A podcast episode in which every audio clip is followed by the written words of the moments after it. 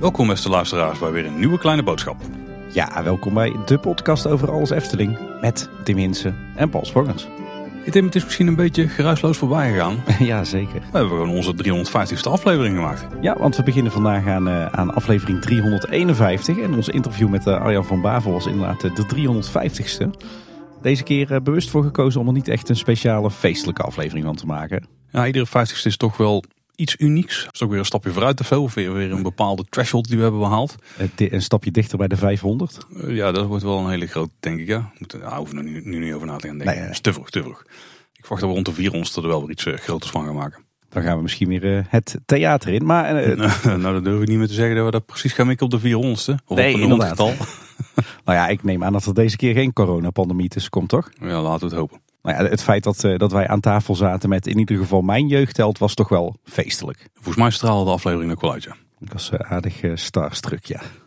Alvast aan de voorkant excuses voor mijn stem, want die is een beetje brak. Ik heb deze week op het werk gepraat als brugman, dus ja, laten we hopen dat ik het volhoud tot het einde van de aflevering. Die 350 afleveringen Kleine Boodschap waren niet genoeg training om dat vol te houden? Nou ja, die duren over het algemeen niet acht of negen uur. Oh, dat is nou ja, soms wel. Ik kan me een uh, interview met Tom Merks nog herinneren die we in één keer hebben opgenomen en uiteindelijk in twee hebben moeten knippen. Ja, en ik geloof dat we het met Michel den ook uh, twee uur s'nachts hebben gemaakt ooit. Maar ik, heb nu, ik heb nu voor mijn gevoel een paar werkdagen achter elkaar uh, acht uur aan één stuk doorgepraat. Dus dat, dat hakt er wel in. Toch training voor die podcastmarathon die er ooit van moet gaan komen. Ja, wat heeft jouw voorkeur? 24 uur aan één stuk door podcast maken of 24 uur aan één stuk door in Max en Moritz? Oeh. Voor het goede doel dan, hè? Voor Villa Padus. Ik denk dat 24 uur podcast maken al zwaar genoeg is. Dus ik denk dat we daarvoor gaan. Ja, ja, 24 uur max is ook prima hoor. Maar... Ja, het lijkt me wel chill, hoeven niks te doen 24 uur lang. Alleen een beetje achteroverleunen in dat treintje. En een beetje kletsen onderweg. Ja. En voordat we de follow-up ingaan, even een belangrijke huishoudelijke mededelingen. De glazen bol, dat we de volgende aflevering niet meer uit gaan brengen. Maar de voorspellingen daarvoor, die kun je niet meer insturen. Nee. Want ongeveer op het moment dat deze aflevering uitkomt, gaan we die opnemen. Ja, en dan ligt het vast in voor het komend jaar. We hebben wel een paar dagen dat het een beetje zo'n zo'n limbo-periode is. Een soort uh, sluimerperiode. Dan moeten we dan via onze gentleman's agreement maar een beetje oplossen. Mocht er tussen toch nog iets gebeuren wat, daar, wat daarbij hoort. Maar voorspellingen insturen, dat gaat dus niet meer op dit moment. Aflevering 349, dat was de vorige nieuwsaflevering. Toen hebben we het gehad over de carouselbar. Die zou regelmatig dicht zijn geweest in het afgelopen seizoen. Nou, dat was ook zo. En dat was niet een bewuste keuze. Dat was in verband met personeelstekort. De ambitie is wel om die dus uh, vaak open te hebben. En de komende maanden verwachten ze ook wel dat die Koude weer vaker open zal zijn. Maar kunnen ze niet garanderen. Er moet gewoon wel voldoende personeel zijn. En of dat de bar in het dioramahal open gaat deze winter, dat is nog onzeker. Ja, we hadden het uh, de vorige keer over dat het uh, Efteling Hotel de laatste tijd uh, s'avonds en s'nachts in het donker staat. Niet alleen na middernacht, maar ook in de avonduurtjes. en wat blijkt nou, dat komt voort uit het feit dat ze nog bezig zijn met werkzaamheden aan de verlichting daar. Die wordt vervangen. en dat werk is nog niet klaar, dus vandaar dat het, het licht nog even niet aanstaat s'avonds. En dan door naar de hoofdonderwerpen en dan beginnen we weer bij het Huiverbouwt. Daar zijn wat grootste dingen gebeurd. Want ja, het eerste onderdeel van het ritssysteem van Dans daar is geplaatst. Ja, ze hebben een beetje Meccano gespeeld op uh, hoog niveau.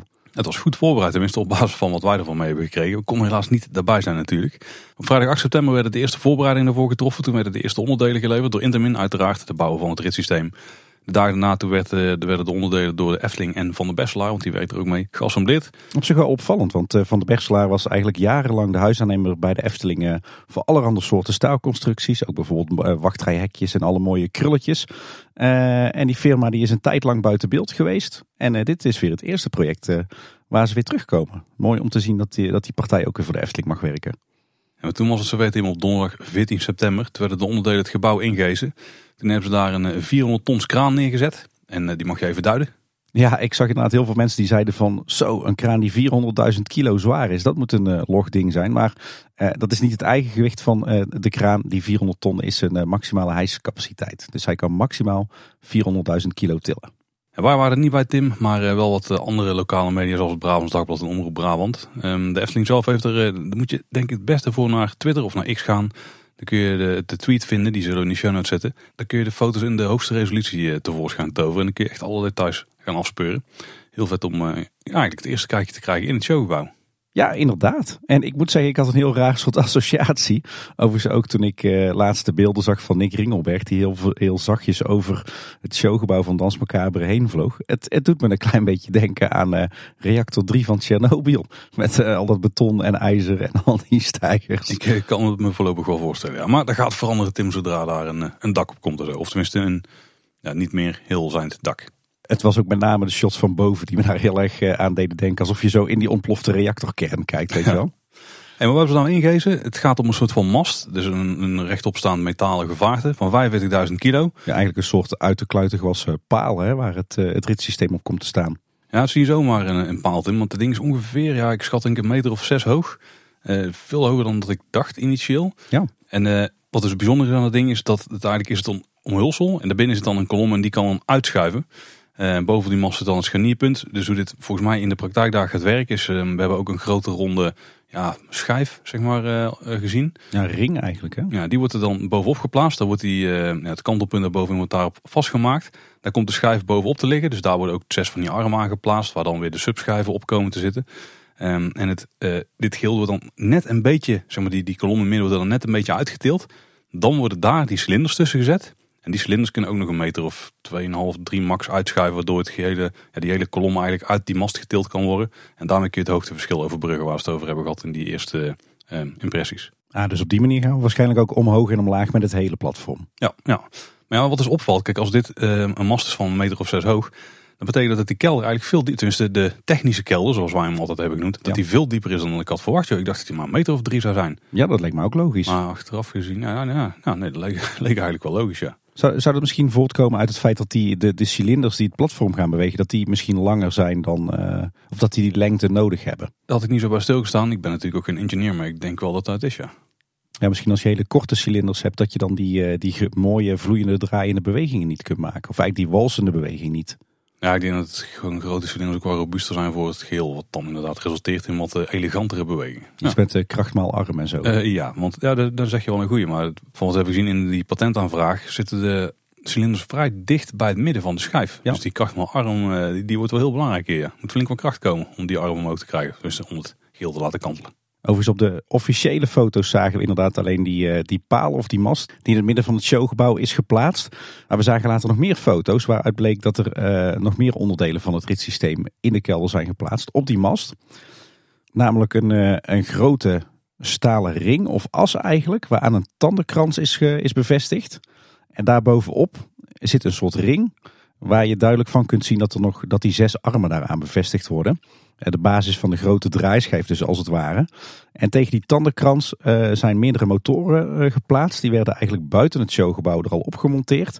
Motoren waar ook weer tandwielen aan vastzitten. En die gaan straks dus de draaischijf in beweging zetten. En dat, dat bewegingsmechanisme dat zit er nu al opgemonteerd.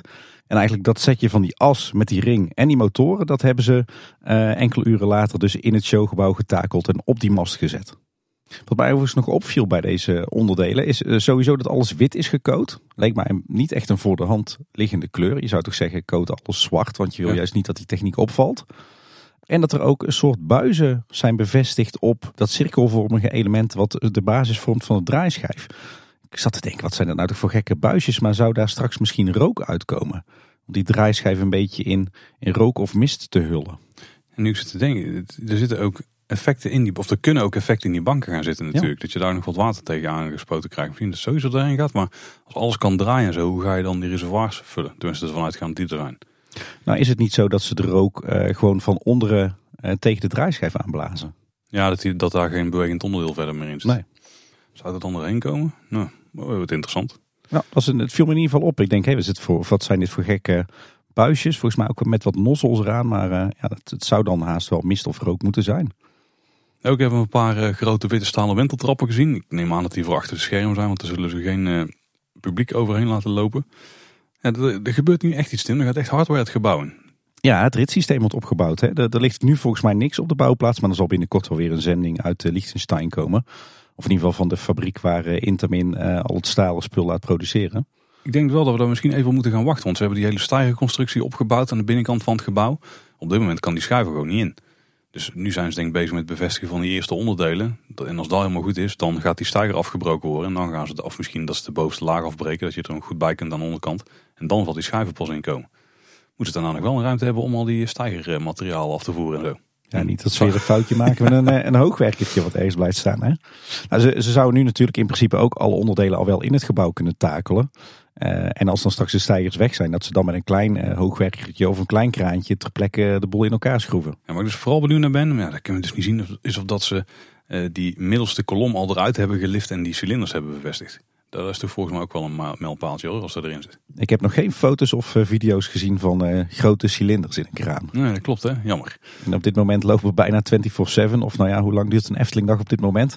Zeven dagen in de week, acht uur per dag uh, lopen er Efteling paparazzi in het park. Dus ik denk dat we het dan toch wel gezien zouden hebben. Ja, ja. Ja, en de reden dat het misschien ook nog wel lang kan duren is omdat ze best wel veel bekabeling moeten aanleggen. Want die zag ik aan die mast, aan het omhulsel zeg maar, ook zo'n kabelgoot zitten.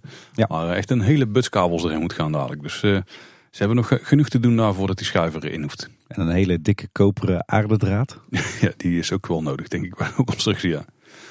Um, nou, dan moeten we het, het, gebouw toch gaan verlaten en even gaan kijken wat er allemaal aan de buitenkant van het gebouw gebeurt. Want ook daar gaat het hard in. Ja, zeker. Er wordt op dit moment ontzettend hard gewerkt aan uh, het buitenmetselwerk van het showgebouw. Uh, ik moet zeggen, er wordt nog steeds vrij strak gemetseld tegen de draad aan. Maar het is wel heel mooi om uh, al verschillende vormen te zien ontstaan achter de steiger. Er wordt echt heel erg ambachtelijk gemetseld. Er zijn natuurlijk heel wat openingen in, in de gevel hè, bij deuren en ramen. En dan zie je dat ze heel erg mooi werken met allerlei togen en spitsbogen en mooie rollaagjes in het metselwerk. En ook al die, nou ja, laten we zeggen, fake natuursteen elementen die ze hebben gemaakt van beton. Hè. Denk aan die sluitsteentjes met die duivelskoppen erop.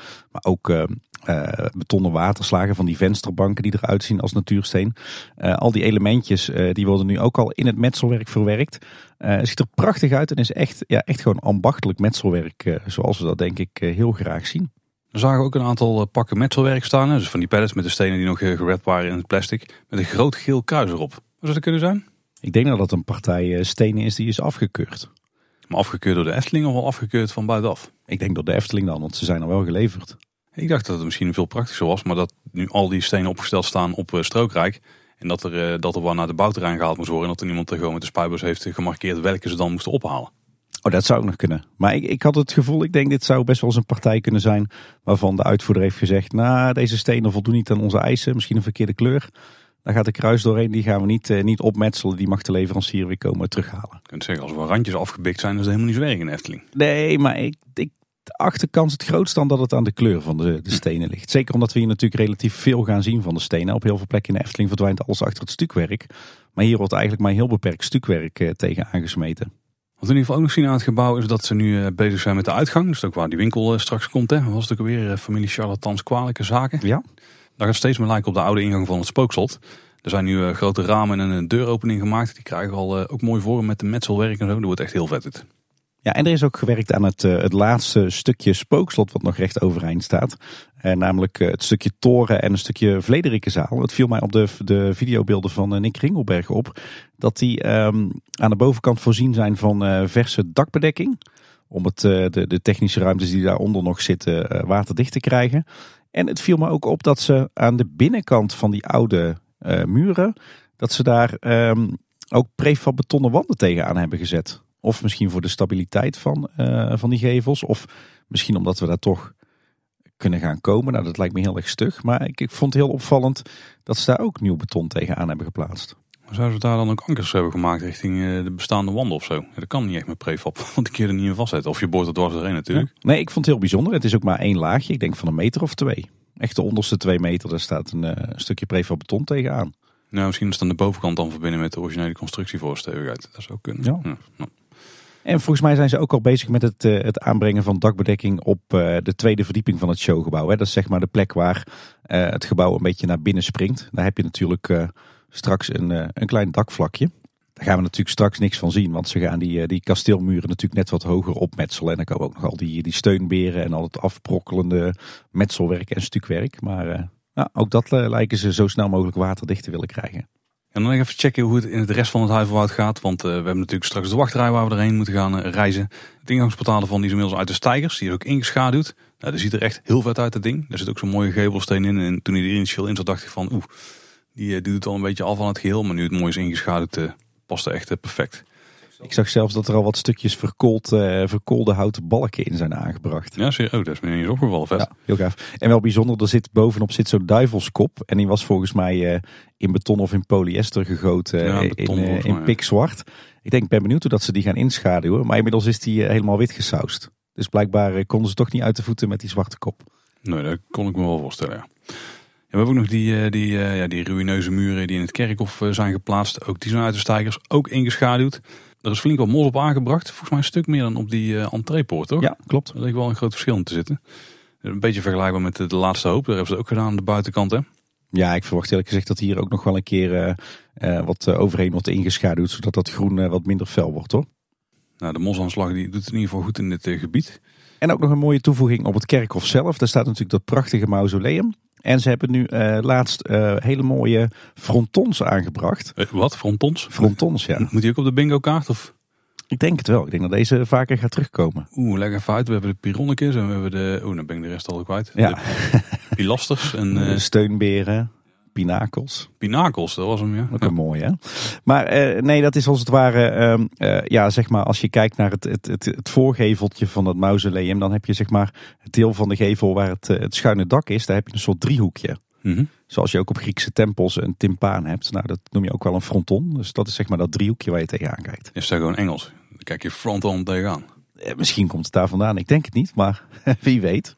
Dat zijn hele mooie gedetailleerde elementen. Ik vermoed dat ze ze gewoon in polyester hebben gemaakt hoor. En eh, ik zag wat beelden dat ze er ook een uh, mooi gietijzeren ornament op aanbrachten. Uh, en in dat ornament is ook weer een harp verwerkt. Dus het is echt uh, heel mooi ook voor detail. En verder, en hier ben ik eigenlijk wel benieuwd naar hoe dit in de praktijk gaat uitpakken. Maar zijn ze ook bezig met het plantsoen tussen de ingang van Max Moritz en in de Zwarte Kat. Die zijn ze aan het opschonen nu. Er zal aanplant moeten gaan komen. Ja, de, het plantseizoen begint er weer aan te komen. Hè? En dit gaat wel heel belangrijk zijn voor de aanblik die je straks hebt vanuit Max Moritz. Want het wordt toch heel lastig, zeker als je in de baan zit. Dat wordt vrijwel onmogelijk denk ik, om het showgebouw te gaan verhullen. Want het wordt toch echt een gigantisch blok. Ja, ik hoop gewoon dat ze in dat hele gebied tussen Max Moritz en, uh, en Dans Macabre straks echt een enorm bos gaan aanplanten. Ja, dan, maar wel met heel veel verschillende hoogtes groen. Want anders ga je die, uh, die kernreactor toch zien. Ja, ja precies. Hey Tim, het is gewoon ongelooflijk. Maar we gaan het Efteling Grand Hotel en er zijn gewoon ontwikkelingen. Ja, hele grote ontwikkelingen. Ja, maar, misschien niet ontwikkelingen die we het liefste zouden zien. Nou ja, wel ontwikkelingen die heel erg passen bij een Eftelings project. Ja, dat, dat is wel waar, ja. Want je kent het gezegde, een project is pas echt Eftelings als er tenminste één leverancier failliet is gegaan. Ja, nou dat is in dit geval dan uh, gigantisch geslaagd. Laten we hopen dat het uh, Dans Macabre project wel bespaard blijft. Maar uh, Bildis, dat is een uh, bedrijf die de prefab betonconstructies zou gaan maken. En ook de prefab geveldelen, waar we het regelmatig over hebben gehad waar de Efteling Grand Hotel dadelijk het opgebouwd zou worden. Die is op 15 eh, september failliet verklaard. Ja, ja. dat uh, kon er ook nog wel bij. Ja, nou, nou is het nadeel dat er in de media wel redelijk wat geroepen is, ook door de Efteling zelf. Maar dat het allemaal nog niet 100% zeker lijkt hoe het nu precies gaat lopen. Maar van hoe we denken dat het gaat lopen, is het in ieder geval zo dat bij de projecten die bij Beelders liepen, dat die gewoon door blijven lopen. Er zijn ook afspraken over gemaakt met de hoofdaannemers en de opdrachtgevers. Dus dat zou dan gunstig zijn voor de Efteling. Ja, volgens de bewindvoerder over het faillissement en de woordvoerder van de Efteling zou dit faillissement nauwelijks tot niet invloed moeten hebben op de bouw van het Efteling Grand Hotel. Nou, dat klinkt in de basis voor de Efteling in ieder geval gunstig. Ja. ja ook zeggen ze, en dit vind ik een interessante, zeker gezien de, de enorme rust op de, bouw, eh, op de bouwplaats, dat deze situatie niet heeft gezorgd voor vertraging. Ons uitgangspunt is nog altijd de bestaande planning aan te houden. Alle voorbereidingen en werkzaamheden gaan gewoon door.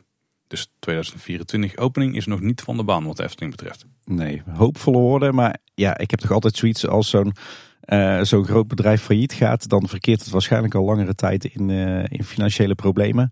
Natuurlijk heeft dat wel iets of wat effect op zo'n bedrijf. Want er is onrust, er is onzekerheid. Uh, mensen lopen misschien weg.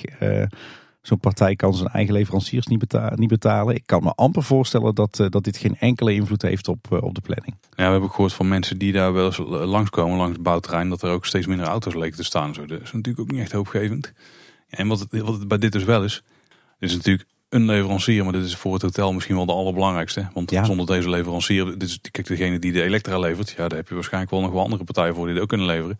Maar dit is gewoon echt het totale gebouw wat boven de grond zit, wordt dadelijk door dit, ja, door dit bedrijf geleverd eigenlijk. Ja, en als hun geveldelen en hun betonconstructie er niet is, dan kan de rest van het werk ook niet door. En dan liggen alle andere aannemers stil. ja, daar ligt echt alles gewoon helemaal stil.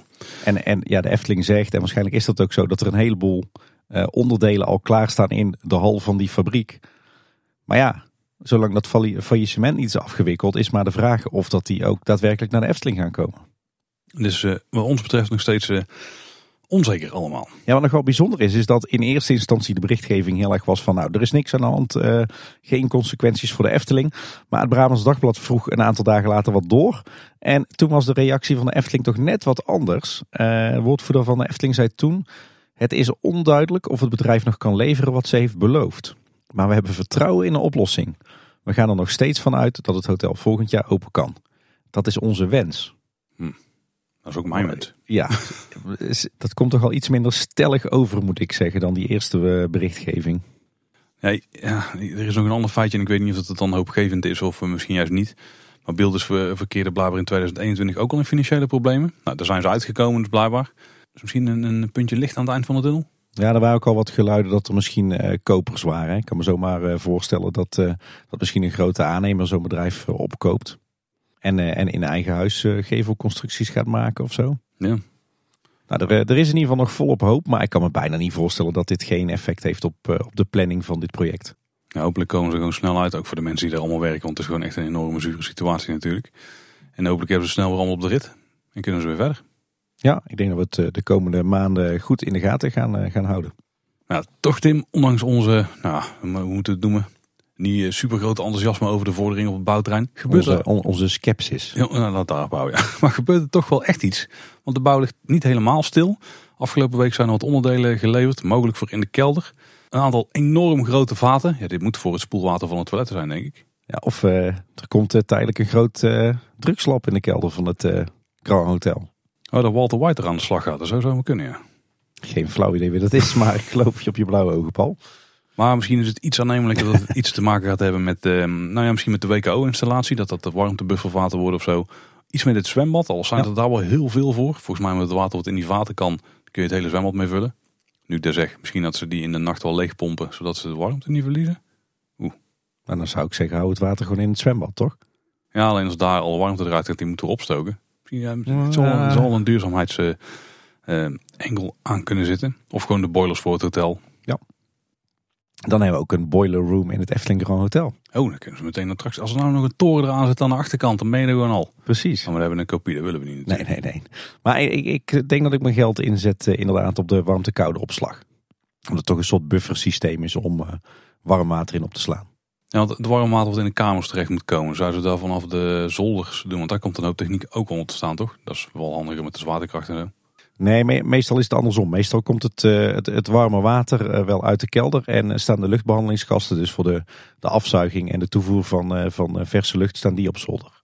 Dan pas ik me inzet aan, dan zet ik het gewoon op het warm water voor het hotel. Ja. Want als je al die kamers van warm water wil zien, één wil gebruik maken van je warmte-koud opslag, dus dat je al een warm watervoorraad hebt, dan heb je van die vaten wel nodig. En dan matcht de hoeveelheid wel, ja, denk ik. Ik denk dat we het inderdaad uh, in die richting moeten zoeken. En er werden ook wat, uh, wat technische kasten aangevoerd. Het leek wel een beetje op luchtbehandelingskasten. Misschien speciaal voor het, uh, voor het zwembad en de spa. het lijkt er in ieder geval op dat er op dit moment volop wordt gewerkt aan alle installatietechniek in de kelder. En dan nog wel interessante geruchten, Tim. Die komen via Eftelvee op Twitter. En het gros hiervan hebben we ook al via andere routes te horen gekregen. Dus we denken dat die wel betrouwbaar zijn. Um, het eerste gaat over de kamers van het Efteling Grand Hotel. Die zouden thematisch ingericht zijn op basis van het uitzicht die je hebt als gast. En je hebt eigenlijk in principe vier windrichtingen. Eh, eentje richting het Aquanura, eentje richting Sprookjesbos, de parken en Pardoespromenade en het Huis van de Vijf Zintuigen. En daar zouden dan ook de vier thema's zijn van de kamers die aan die kant van het gebouw gelegen zijn. Ja, die zouden alle vier ook een eigen kleur krijgen, hè? of een eigen kleurstelling. Dat voelt op zich wel logisch, want dan heb je dus wel dat jouw kamer, of eigenlijk wat aan de andere kant van het raam ligt, dus het park, dat dan een verlengde wordt van jouw kamer. Dus op zich wel slim om op die manier in te delen. Ja. Dan zijn degenen die richting uh, ja, het parkeren kijken dan wel een beetje. nou, ik hoop eerlijk gezegd toch vooral op een echte Art Nouveau stijl in die kamers. Maar dan inderdaad met uh, aan, in iedere vleugel een net iets andere touch die verwijst naar, uh, naar de kant waar je op uitkijkt. Maar ik hoop, ik hoop niet dat die kamers echt gethematiseerd zijn rond die vier attracties. Ik hoop echt wel dat we in de basis echt die, die uh, Scandinavische Jugendstil stijl krijgen. Nou, er zaten wat wazige tekeningen ook bij, of die gingen ook nog rond. Uh, en daar, daarbij zagen we vooral verschil in kleurstelling. Ja. Nou, zoals ik het dan moet gokken, is het qua uitstraling en qua vorm en ik denk ook qua textuur redelijk hetzelfde. Maar is het vooral de kleur waar het in afwijkt. Misschien met de kunst die op de wanden hangt of dat soort uh, dingen dat die meer matchen met hetgene wat je dan ook buiten ziet. Als op de, de wanden wat mooi behang zit en mooi met goudverf, wat, wat hele mooie organische vormen en krullen, dan is het al snel goed. Hè? Zit je met je hoofd al half in het Efteling Hotel, denk ik, zonder krant. Ja, maar dat zou je dan net wat, wat sierlijker moeten zijn. Ah, oké, oké, oké. Eh, het andere gerucht gaat over eh, dat er een aparte sprookjesbos ingang bij het Efteling Grand Hotel zou komen. En die zou kunnen dienen om het bos bijvoorbeeld wat langer open te stellen voor de gasten die daar verblijven. Want dat zou betekenen dat je misschien eerder of ook nog tot later het sprookjesbos in zou kunnen dan de reguliere parkgasten. Dat zou wel een dikke vette plus zijn. Ja, ja deze hebben we al heel vaak gehoord. Hè. Deze lijkt me ook wel vrij aannemelijk. Lijkt me ook wel een, eh, een goede perk op zich, toch? En als laatste ding in de, de, de, nou is het de rollsfeer niet eens echt, maar er zou een impressie uitgelegd zijn van de lobby. En daarna kwam er ook nog een, een nou ja, ik doe even airquotes maken Tim, met AI scherper gemaakte versie van die impressie. Nou als AI dat kan, dan, uh, dan kunnen die scènes van CSI uiteindelijk ook echt dat van vier pixels een herkenbaar gezicht wordt gemaakt, zeg maar. Het, het, voelde voor mij meer alsof twee personen dezelfde tekening hadden, alleen in verschillende kwaliteiten. Uh, inderdaad, ja. Ja, wat, wat zien we? We zien volgens mij een trappenhuis of een wenteltrap met in het midden um, een hoop kabels waaraan sleutels met een Efteling E hangen. Ja, ik zag het als een soort enorme kroonluchter, waar dan die sleutels aanhingen als, uh, ja, een element aan een kroonluchter, maar die, die slingerde ook een beetje naar beneden. Ja. Het is dan inderdaad midden in die enorme wenteltrap hangen. Ja, ja, ik kan het nu nog niet heel goed inschatten, omdat het in het geheel nog niet echt duidelijk is. Lijkt heel overdadig, maar kan op zich ook wel passen. Past op zich wel bij uh, Jugendstil en Art Nouveau. En natuurlijk, het hangt er ook een beetje vanaf hoe de rest van die ruimte is ingericht ja, natuurlijk.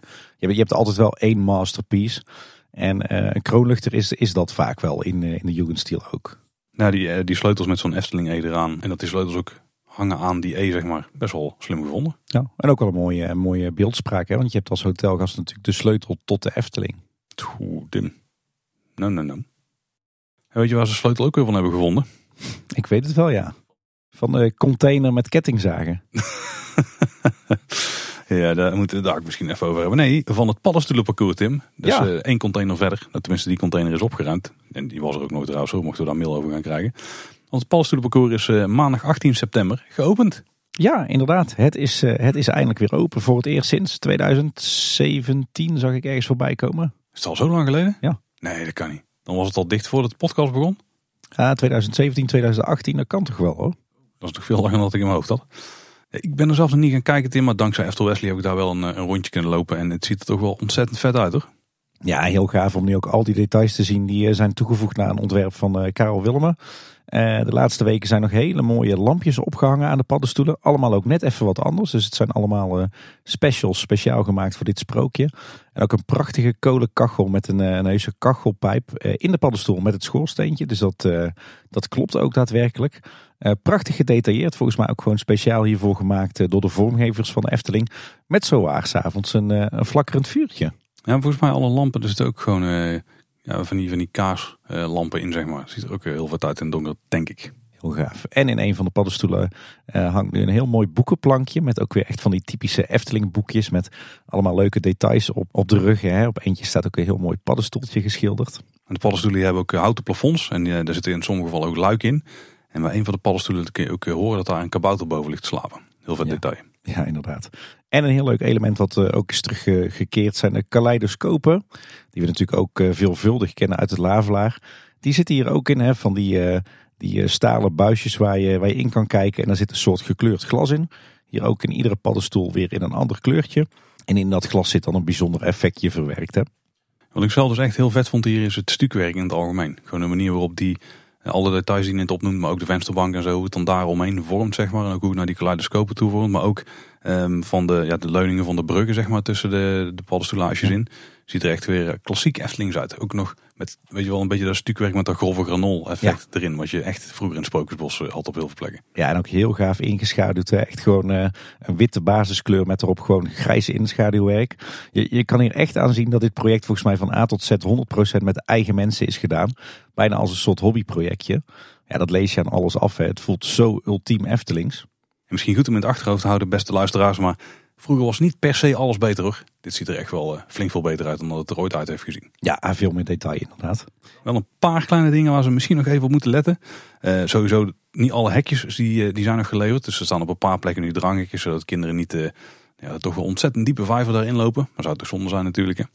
Ja, ik geloof dat ze anders nog drie weken moesten wachten tot de heropeningen. Nou, dat zou zonde zijn. Dus nu heeft het even opgelost met wat dranghekken. Ja, en als je de eerste paddenstoel inloopt, dan moet ze denk ik nog wel groen aan de rechterkant van plaats. Want er staat nu een enorm opvallende groene elektrakast achter het huisje. En die staat gewoon pal in het zicht. Dus ik neem aan dat ze daar wel een idee voor hebben. Maar op dit moment ziet het er een beetje onhandig uit. Ik weet het, ik weet het. Daar komt de oh. conifeer voor. Ja, of gewoon een schutting. Ja. Er zou nu trouwens niet meer staan, een beetje een half afgebroken schuttingje daar. Maar conifeer, moet het iets permanent groen zijn. Het kan ook weer zo'n uh, hedera zijn of zo natuurlijk. Komt, uh, komt vast goed. Het, het groenplan ziet er ook heel tof uit van dit sprookje. Ja, op een paar punten in het park waren ze misschien een beetje van mening dat het groen er te goed uitzag. ja. En toen dachten ze voor de bellen mee, of misschien in dit geval voor de kettingzaag. Ja, Halloween is vroeg dit jaar in Efteling. nou, die komt achteraan, Dim want ze zijn enorm hard bezig bij het door een roosje om daar ja, op dit moment vooral het bos weg te halen lijkt het eigenlijk. Um, want we hebben in ieder geval meer duidelijkheid over wat daar gaat gebeuren. Maar niet alleen daar, want er is nog een ander onderhoudsproject in de Sprookjesbos wat eraan gaat komen. Namelijk bij de Zeemermin. Ja, het Herenhoutenplein en het eh, paddenstoelenparcours zijn klaar. En eh, we hebben weer twee grote onderhoudsprojecten in het Sprookjesbos. Nee, ze gaan kijken bij toch wel de, de grootste van de twee. En dat is natuurlijk Door een Roosje. Ja, we grappen er een beetje over Tim. Maar wat ze daar hebben gedaan is echt wel gruwelijk hoor. Ja, dit is echt een onderhoudsklus met enorme impact. Ik geloof dat wij er vorig jaar uh, ook al wel op zin speelden dat er best wel eens zoiets zou kunnen gaan gebeuren hier. En het is nu daadwerkelijk het geval. Nou ja, laten we eerst eens kijken wat de Efteling heeft aangekondigd, welke werkzaamheden er gaan plaatsvinden. Ze hadden dat eerder dit jaar al gedaan uh, in een paar zinnen in een blog die in het algemeen over uh, het onderhoud ging. en ik heb toch sterk de indruk dat de plannen met het, het sprookje veranderd zijn in de tussentijd. Nou ja, wat gaat er gebeuren? Uh, de vijver die wordt uitgebreid. Uh, eerder had de Efteling al gemeld dat de vijver en de waterval waterdicht gemaakt zouden worden. Hè, om te voorkomen dat het water in de heuvel zou weglekken. Maar dat kan eigenlijk alleen maar betekenen dat als je voor het kasteeltje staat, dat hij verder nog naar links de bocht om gaat draaien. Ja, ja, dat blijkt ook wel uit een, eh, een pad wat nu is aangelegd. Maar daar gaan we het dadelijk uitgebreid over hebben. En Efteling zegt verder, het hele kasteel komt in de stijgers te staan om de muren en gevels op te knappen.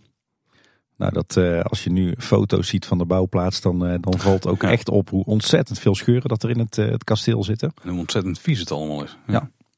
het pad naar het kasteel toe, dat wordt hersteld. Ik denk dat we daar in plaats van die mooi afgesleten basaltblokken, dat we daar allemaal nieuwe traptredes en blokken gaan, gaan zien. Misschien ook wel in de trap vanaf het kasteel naar het kabouterdorp. Want dat kan natuurlijk ook spekglad zijn. Hm. Eh, de Efteling zegt zelf, er worden bomen gekapt om de biodiversiteit te stimuleren. Mhm. en daar worden later andere bomen voor teruggeplant. En het interieur zou alleen klein onderhoud krijgen. Uh, dus wat schilderwerk en de verlichting die wordt natuurlijk uh, vervangen door LED. En was ik nog wel een duidelijkheid. Want in het blogbericht schreven ze... de Sprookjesbos-ingang via de heksenpoort is tijdelijk afgesloten. Afgelopen week zijn de werkzaamheden in het bos achter het kasteel al gestart. Er komt een rolstoel toegankelijk pad tussen het kasteel van Doornroosje en de miniatuurwereld Diorama. Om deze wandelroute mogelijk te maken worden eerst een aantal grote beukenbomen verwijderd uit het Sprookjesbos. Nou, eh, die groenkap gaan we daar ook wel over hebben, ben er maar niet bang voor. En toen dachten heel veel mensen van, hé, komt er nou een ingang van het Sprookjesbos tegenover de zijingang van het diorama? Hey, je hebt daar zo'n zo'n inham hè, aan de dioramalaan met, uh, met een aantal bankjes. Eigenlijk zo'n schattig zitje. En heel veel uh, Efteling-liefhebbers dachten inderdaad van... Hey, zou daar dan nu tijdelijk de ingang van het Sprookjesbos komen? Of misschien wel permanent. En verdwijnt dan de Sprookjesbos-ingang bij de poortheksen? Nou lijkt in ieder geval niet op. Kijk, in de praktijk blijkt nu in ieder geval dat de heksenpoort toegankelijk gaat blijven. Maar dat het pad daarna direct naar links het bos in gaat. Of in ieder geval kan gaan. Want je moet natuurlijk wel bij de trap gaan komen bij, van het kasteel. Er zijn geen werkzaamheden op dit moment te zien bij de dioramalaan. Dus daar lijken ze alles met rust te laten. Dus ja, klopt dan het blogbericht niet? Of misschien interpreteren we het verkeerd met z'n allen. Of wordt het nog later uitgevoerd? Nou, dat lijkt me sterk, want ze zijn nu aan het kappen en hout aan het afvoeren. Dus dan ja. wordt dit wel het moment geweest om het te doen. Een woordvoerder die heeft geprobeerd om het duidelijker te maken. De route die nu linksom het kasteel wordt aangelegd, die gaat in eerste instantie dienen als omleiding tijdens de bouwwerkzaamheden. Maar die blijft permanent liggen. Dus na afronding van het onderhoud, dan is dit dus een extra pad uh, in de Sprookjesbosroute. Een beetje de vraag wat er dan gebeurt met, de, met het andere pad aan de andere kant van uh, het kasteel. Hier zal dan waarschijnlijk ook die grote vijver langs gaan lopen. dan krijg je een beetje weer die open zichtlijn terug die we vroeger hadden. Uh, heel vroeger, zeg maar nog voor onze tijd, dat wij het bewust konden herinneren op het kasteel vanaf een wat grotere afstand. Ja, zou dan het pad rechts onder het kasteel langs, wat je nu moet gebruiken als je, als je slechter been bent, zou dat dan verdwijnen? Ik heb daar wel een kleine theorie over, Tim. Want wat ik denk dat er op termijn gaat gebeuren, en we krijgen wel wat hintjes daarvan binnen op dit moment, als in gewoon door in het park te kijken. Als je de poort hebt aan de rechterkant van de trap, dus die, je pakt niet de trap omhoog, maar je gaat rechts door die kleine poortje heen. Ja, dat pad hadden ze in principe gewoon prima kunnen laten liggen. Daar gaan al uh, 60 jaar mensen met een rolstoel en mensen met de kinderwagen erin. Daar gaat prima zien dat de rolstoelen nou in één keer Sommige kinderwagens trouwens wel misschien Tim. dat die zo breed zijn geworden dat die daar niet meer doorheen kunnen. Maar het pad wat er dus rechts achter doorloopt nu richting het Kabouterdorp zou eens kunnen gaan verdwijnen. Um, ik denk dat de afsnijroute richting het theater wel gaat blijven richting het Sprookjesbos Theater. Want daar ligt nu een nieuw, nieuwe afsnijroute, maar die ligt veel dichter achter die poort. Dus normaal gesproken moest je eerst een meter of vijf lopen en dan boog er een heel smal padje af. Ja. Heel lastig ook als je daar met de rolstoel trouwens overheen ging. Daar ging gewoon niet. Kinderwagen was ook al een uitdaging af en toe. Maar er ligt nu echt een breed pad, gewoon van anderhalf, twee meter breed of zo. Ik denk dat het daar misschien straks ophoudt met het pad. Ja, dat denk ik ook. Dat daar wat groen wordt geplant en dat de nieuwe route voor eh, als je niet naar boven gaat, dat die officieel gewoon links om het kasteeltje heen loopt. Ja, want volgens mij is ook de rest van dat pad rechtsom het kasteel richting het Kabouterdorp inmiddels opgebroken en ook de lantaarnpalen zijn daar verwijderd. Is dat zo? Ja. Oh, nou, dat doet mijn uh, vermoeden nog wel uh, sterker worden. en waarom zouden ze dat dan doen? Nou, ik denk om twee redenen. Ten eerste, het was niet de allermooiste route om het kasteel heen. Ik denk dat via de andere kant uiteindelijk wel veel mooier gaat zijn. Want dan heb je gewoon heel het aanblik van het kasteel en niet van wat ja, toch semi-blinde muren. Ja. Uh, maar het geeft ook de ruimte om in die hoek, ik denk dan meer tegenover het Sprookjesbostheater, om daar misschien een nieuw sprookje te maken op termijn. Met geluidswal? Ja, ja, in ieder geval met een groenwal. Maar dan, dan loop je niet aan de achterkant van een sprookje, een beetje het back of the house van dat sprookje, loop je dan niet zo dicht te langs, want dan kun je dan gewoon niet meer komen. Ik denk dat daar, uh, oh nou snap ik jouw geluidswalopmerking pas vanwege theater natuurlijk. Ja. Uh, maar dat, dat zou in ieder geval een potentiële plek kunnen zijn voor een toekomstige uitbreiding. Misschien dat ze daar nou een beetje op voor Maar dat is mijn uh, matige theorie. Nou, ik heb daar ook nog wel een theorie over. Ik, ik denk dus inderdaad dat dit pad inderdaad gaat verdwijnen. De heuvel die is daar nou heel stijl. Je ziet ook dat al die muurtjes die daar stonden, waar de bomen achter, achter stonden, dat die ook allemaal heel wankel waren. Ik denk dat ze hier de heuvel waar het kasteel op staat een stuk minder stijl gaan maken. Dus dat ze hier meer grond tegenaan gaan gooien. En dat ze deze hoek dan ook gebruiken voor wat, eh, wat natuurontwikkeling. Dus om weer wat meer nieuw groen aan te planten. Nou, zoals misschien een parkeerwand ook tegenaan zetten. Zodat je gewoon een wat stevig fundament hebt voor het kasteel. Ja. ja best wel een goede. Ja. Maar het een sluit dan niet uit, hè? Nee, ik ben, ben, wel heel benieuwd hoe de aanblik op het kasteel eruit gaat zien. Als inderdaad uh, de vijver groter wordt. En als je dus een pad linksom het kasteel hebt uh, richting het, uh, het kabouterdorp. Dat kan op zich wel heel fraai worden. Ja, en op zich als de heksenpoort blijft, dan heb je nog steeds wel die reveal van het kasteel daar. Ja. Alleen loopt er dan dus in potentie via een andere route omheen. Wat denk ik wel mooi wordt hoor. Ja, en pak er foto's uit de jaren 50 bij. Je ziet dat het, het, het kasteel, even los van het feit dat de bomen natuurlijk allemaal nog heel klein waren. Maar dan had je echt echt een hele open zichtlijn op dat kasteel. Uh, dat ga je dan natuurlijk nu ook krijgen. Ja, ja. Ja, en uh, dezelfde woordvoerder die gaf ook aan dat er tussen de Dioramalaan en Doornroosje uh, nog wel een bouwweg zou komen te liggen, maar die zou echt tijdelijk zijn. de vraag is echter waar die zou gaan komen. die vraag kon de woordvoerder niet beantwoorden. Um, op dit moment is de heksenpoort nog afgesloten voor het publiek en liggen er rijplaten vanaf de heksenpoort naar uh, dat stukje, dat nieuwe pad als, als bouwroute. Maar we begrepen dus dat dat alleen tijdelijk is om, om nu de, heel die omleiding te maken. Poort die gaat dus weer open. Nou ja, voor de time being, als je op dit moment het Sprookjesbos in wil, dan, dan kan dat of via de uitgang bij de Marskramer of via de Padoespromenade bij, bij Langnek en Kogeloog. En, en dan is het stukje richting het Kabouterdorp is eigenlijk, eigenlijk doodlopend. Maar waar die bouwweg dan precies komt te liggen, weten we dus niet. Misschien dat er eh, een doorsteek wordt gemaakt vanaf het, eh, het dienstpad achter Polleskeuken? Ja, duidelijk. Ja, zou kunnen. Dat, lijkt me beter dan dat je bij de diorama aan alles gaat openbreken. Als het dan nodig is, want ze kunnen er nu ook gewoon met groot materiaal komen. Ja, en, en je had ook wel gelijk. Hè. We, we zien op dit moment verder totaal geen werkzaamheden om een nieuwe, nieuwe route te maken. Terwijl ja, op dit moment worden de bomen gekapt en... Uh, en, uh, en vindt het grondverzet plaats. Dus dit zou toch ook het moment zijn waarop je een, een bouwweg aan zou leggen. Dus het, uh, het lijkt erop dat het, uh, dat het hierbij blijft. En dan ben ik benieuwd wat straks de tijdelijke situatie gaat zijn. ik denk door de heksenpoort naar binnen en dan links om het kasteel. Ja. Um, en wellicht dat het, het pad rechtdoor ook wel open blijft. Maar dan niet links het kasteel op, want dat is natuurlijk afgesloten voor onderhoud. Maar misschien dat, dat dan al wel dat doorsteekpaadje rechtsaf richting het Sprookjesbostheater in gebruik genomen gaat worden. Aangezien, dat, aangezien dat nu al, uh, al is aangelegd. Hebben ze allemaal beperkte plek om daar te werken. Heel veel ruimte hebben ze niet natuurlijk. Ja, misschien op die plek waar dan die vijver nog moet komen. Ja, of juist vanaf de, vanaf de achterkant, hè, waar dat pad nu is weggehaald. Ja, maar daar gaan we straks. Oh, zo aan de achterkant. Ja, ja, ja, ja, ja. ja. Aan de kant van de, de zeven geitjes, zeg maar. En buiten dan eh, de werkzaamheden aan dat pad en zo. Wat het meest algemeen opvalt, eigenlijk iedereen die daar foto's van ziet, is de enorme kaalslag die op die heuvel eh, plaatsvindt, eigenlijk rondom het hele kasteel. Want de afgelopen dagen zijn vrijwel alle bomen op de kasteelheuvel gekapt. Ik heb volgens mij nog één zien staan. Ja, ze hebben volgens mij één stam van zo'n grote beuk eh, hebben ze eh, ongeveer op de helft afgezaagd. Dus misschien, Nou, die zal er ook nog wel uitgaan. Ja, of hij blijft, eh, blijft staan als een soort, Eerbetoond. ja, een soort dode boom waarin eh, eh, allerlei vogels zich kunnen nestelen. Of ze durven hem er inderdaad nog niet uit te, te pakken omdat dan de hele trap instort. Want zo zag het er wel uit. En ja, een aantal sprietjes hebben ze laten staan die, die waarschijnlijk niet in de weg stonden. En ook geen effect hadden op de constructie. Maar inderdaad, er zijn echt enorm veel bomen gekapt. Ehm, of zo, ja, eigenlijk is gewoon een hele heuvel elkaar gekapt, hè.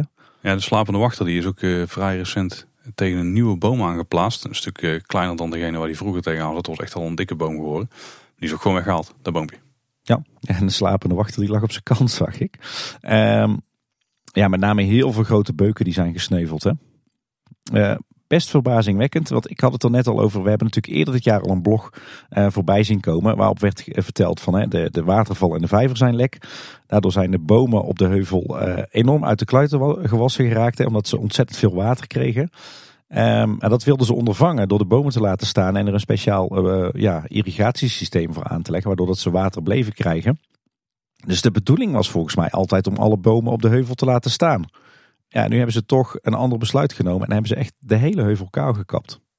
En ik kan me wel voorstellen waarom. Want op lange termijn, als die bomen blijven groeien en die wortels die blijven uitdijen onder de constructie, je krijgt er op lange termijn gewoon problemen mee. En ik denk dat ze gewoon in plaats van het zo lang mogelijk uitstellen, het nu gewoon wat rigoureuzer aanpakken. Ja, dan heb je wel helaas die enorme kaalslag. Maar dat is gewoon de enige manier waarop je kunt voorkomen dat eh, de natuur die om het kasteel in staat, het hele, het hele kasteel straks doet instorten. Ja, ja ik, kijk, ik denk dat je, dat je die bomen best had kunnen laten staan, maar had je echt een heleboel kunst en vliegwerk moeten uithalen om het sprookje alsnog goed op te knappen. Of je, je had inderdaad wat pleistertjes moeten plakken.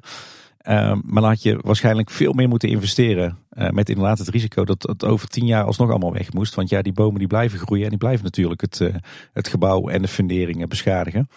Dus ik denk inderdaad dat dit een hele zure appel is waar ze toch wel doorheen hebben gebeten. Eh, misschien met de gedachte van ja, er is maar één manier hoe we het echt goed kunnen doen. En dat is gewoon terug naar nul en helemaal opnieuw beginnen. En het, het lijkt erop dat ze eh, daar nu bewust voor hebben gekozen. Terwijl in eerste instantie het plan leek om zoveel mogelijk bomen op die heuvel te behouden. Nee, en wat zouden ze in de toekomst gaan doen? Dan wat nieuwe bomen plaats van dan altijd een wat veiligere afstand van, de, eh, van het kasteel af. En dan dus misschien wel met de irrigatie werken dat het niet zo eh, explosief groeit als voorheen. Ik denk dat, dat ze sowieso eerst gaan kijken naar de opbouw van die heuvel. Hè. Het was nu natuurlijk een beetje een getrapte constructie met, met heel veel keermuurtjes. En die keermuurtjes werden iedere keer omgeduwd door die bomen. Je kan er natuurlijk ook voor kiezen om er een iets flauwere heuvel van te maken. Waardoor dat je die keermuurtjes niet meer nodig hebt. Ja, en in die heuvel eh, kan je op gepaste afstand van het gebouw natuurlijk prima nieuwe bomen planten. Zeker aangezien je tegenwoordig allerlei technieken hebt om die bomen in een soort kunstmatige bak te laten groeien. Hm. Dus, dus dat kan prima. Dus bomen rondom het kasteel is niet per se uitgesloten. Nee, al worden dat natuurlijk wel eh, in eerste instantie hele kleine boompjes. Ja, daar zit er wel dik in. Ja. Ja. Viel me wel op dat ze zich echt beperkt hebben tot de bomen op de heuvel. Eigenlijk in het hele gebied om het kasteel heen. Ook aan de kant waar de vijver uitgebreid wordt. Hè, dus links om het kasteel. En dat ze daar alle bomen hebben laten staan. Ja, ik zei het inderdaad dat ze op de heuvel, maar ook eromheen op hadden weggehaald. Maar ze hebben daar wel veel groen weggehaald. Maar dat is allemaal laag groen. Wat natuurlijk uiteindelijk veel volume is en het, zicht door het bos heen eh, ontneemt. Maar dat is gewoon nu weggehaald. Dat zal terugkomen. Dat groeit een stuk sneller aan dan, eh, dan de bomen. Of het in ieder geval, dat hoeft het niet te hebben van de dikte. Dat ziet er spectaculairder uit dan dat het daadwerkelijk is. Ja, dat klopt wel. Ja. ja, en ook als je kijkt naar dat nieuwe pad wat links om het kasteel is aangelegd. Dan hebben ze daar echt goed hun best gedaan om de bestaande bomen te beschermen. En het pad gaat zelfs ook op sommige plekken links en rechts om de bestaande bomen heen. Dus eh, ze hebben er echt wel bewust voor gekozen om daar juist helemaal niks te kappen. Nou wordt de botsing tijd binnenkort. Overigens interessant was ook om, eh, om te lezen op eh, social media dat eh, na de kap van de bomen de constructie van het kasteel is gecontroleerd. Eh, mochten de boomwortels de fundering nou te veel eh, hebben aangetast, dan zou het kasteel volledig gesloopt eh, worden en opnieuw opgebouwd worden. Een beetje vergelijkbaar met wat er bijvoorbeeld bij Roodkapje en het huisje van vrouw Holle en het eh, paddenstoelenparcours is eh, gebeurd. Maar dit blijkt eh, uiteindelijk toch mee te vallen. Wat betekent dus dat niet het hele kasteel eh, gesloopt wordt. Alhoewel, als je nu de foto's ziet eh, van het kasteel zo zonder bomen, dan valt toch wel op dat er heel wat stukken gevel van het kasteeltje er echt slecht uitzien met grote scheuren. Dus het zou mij niks verbazen als hier en daar toch wat geveltjes opnieuw worden opgemetseld. Misschien even kijken wat ze verder hier aan het doen zijn buiten een hoop dus van het groen weghalen.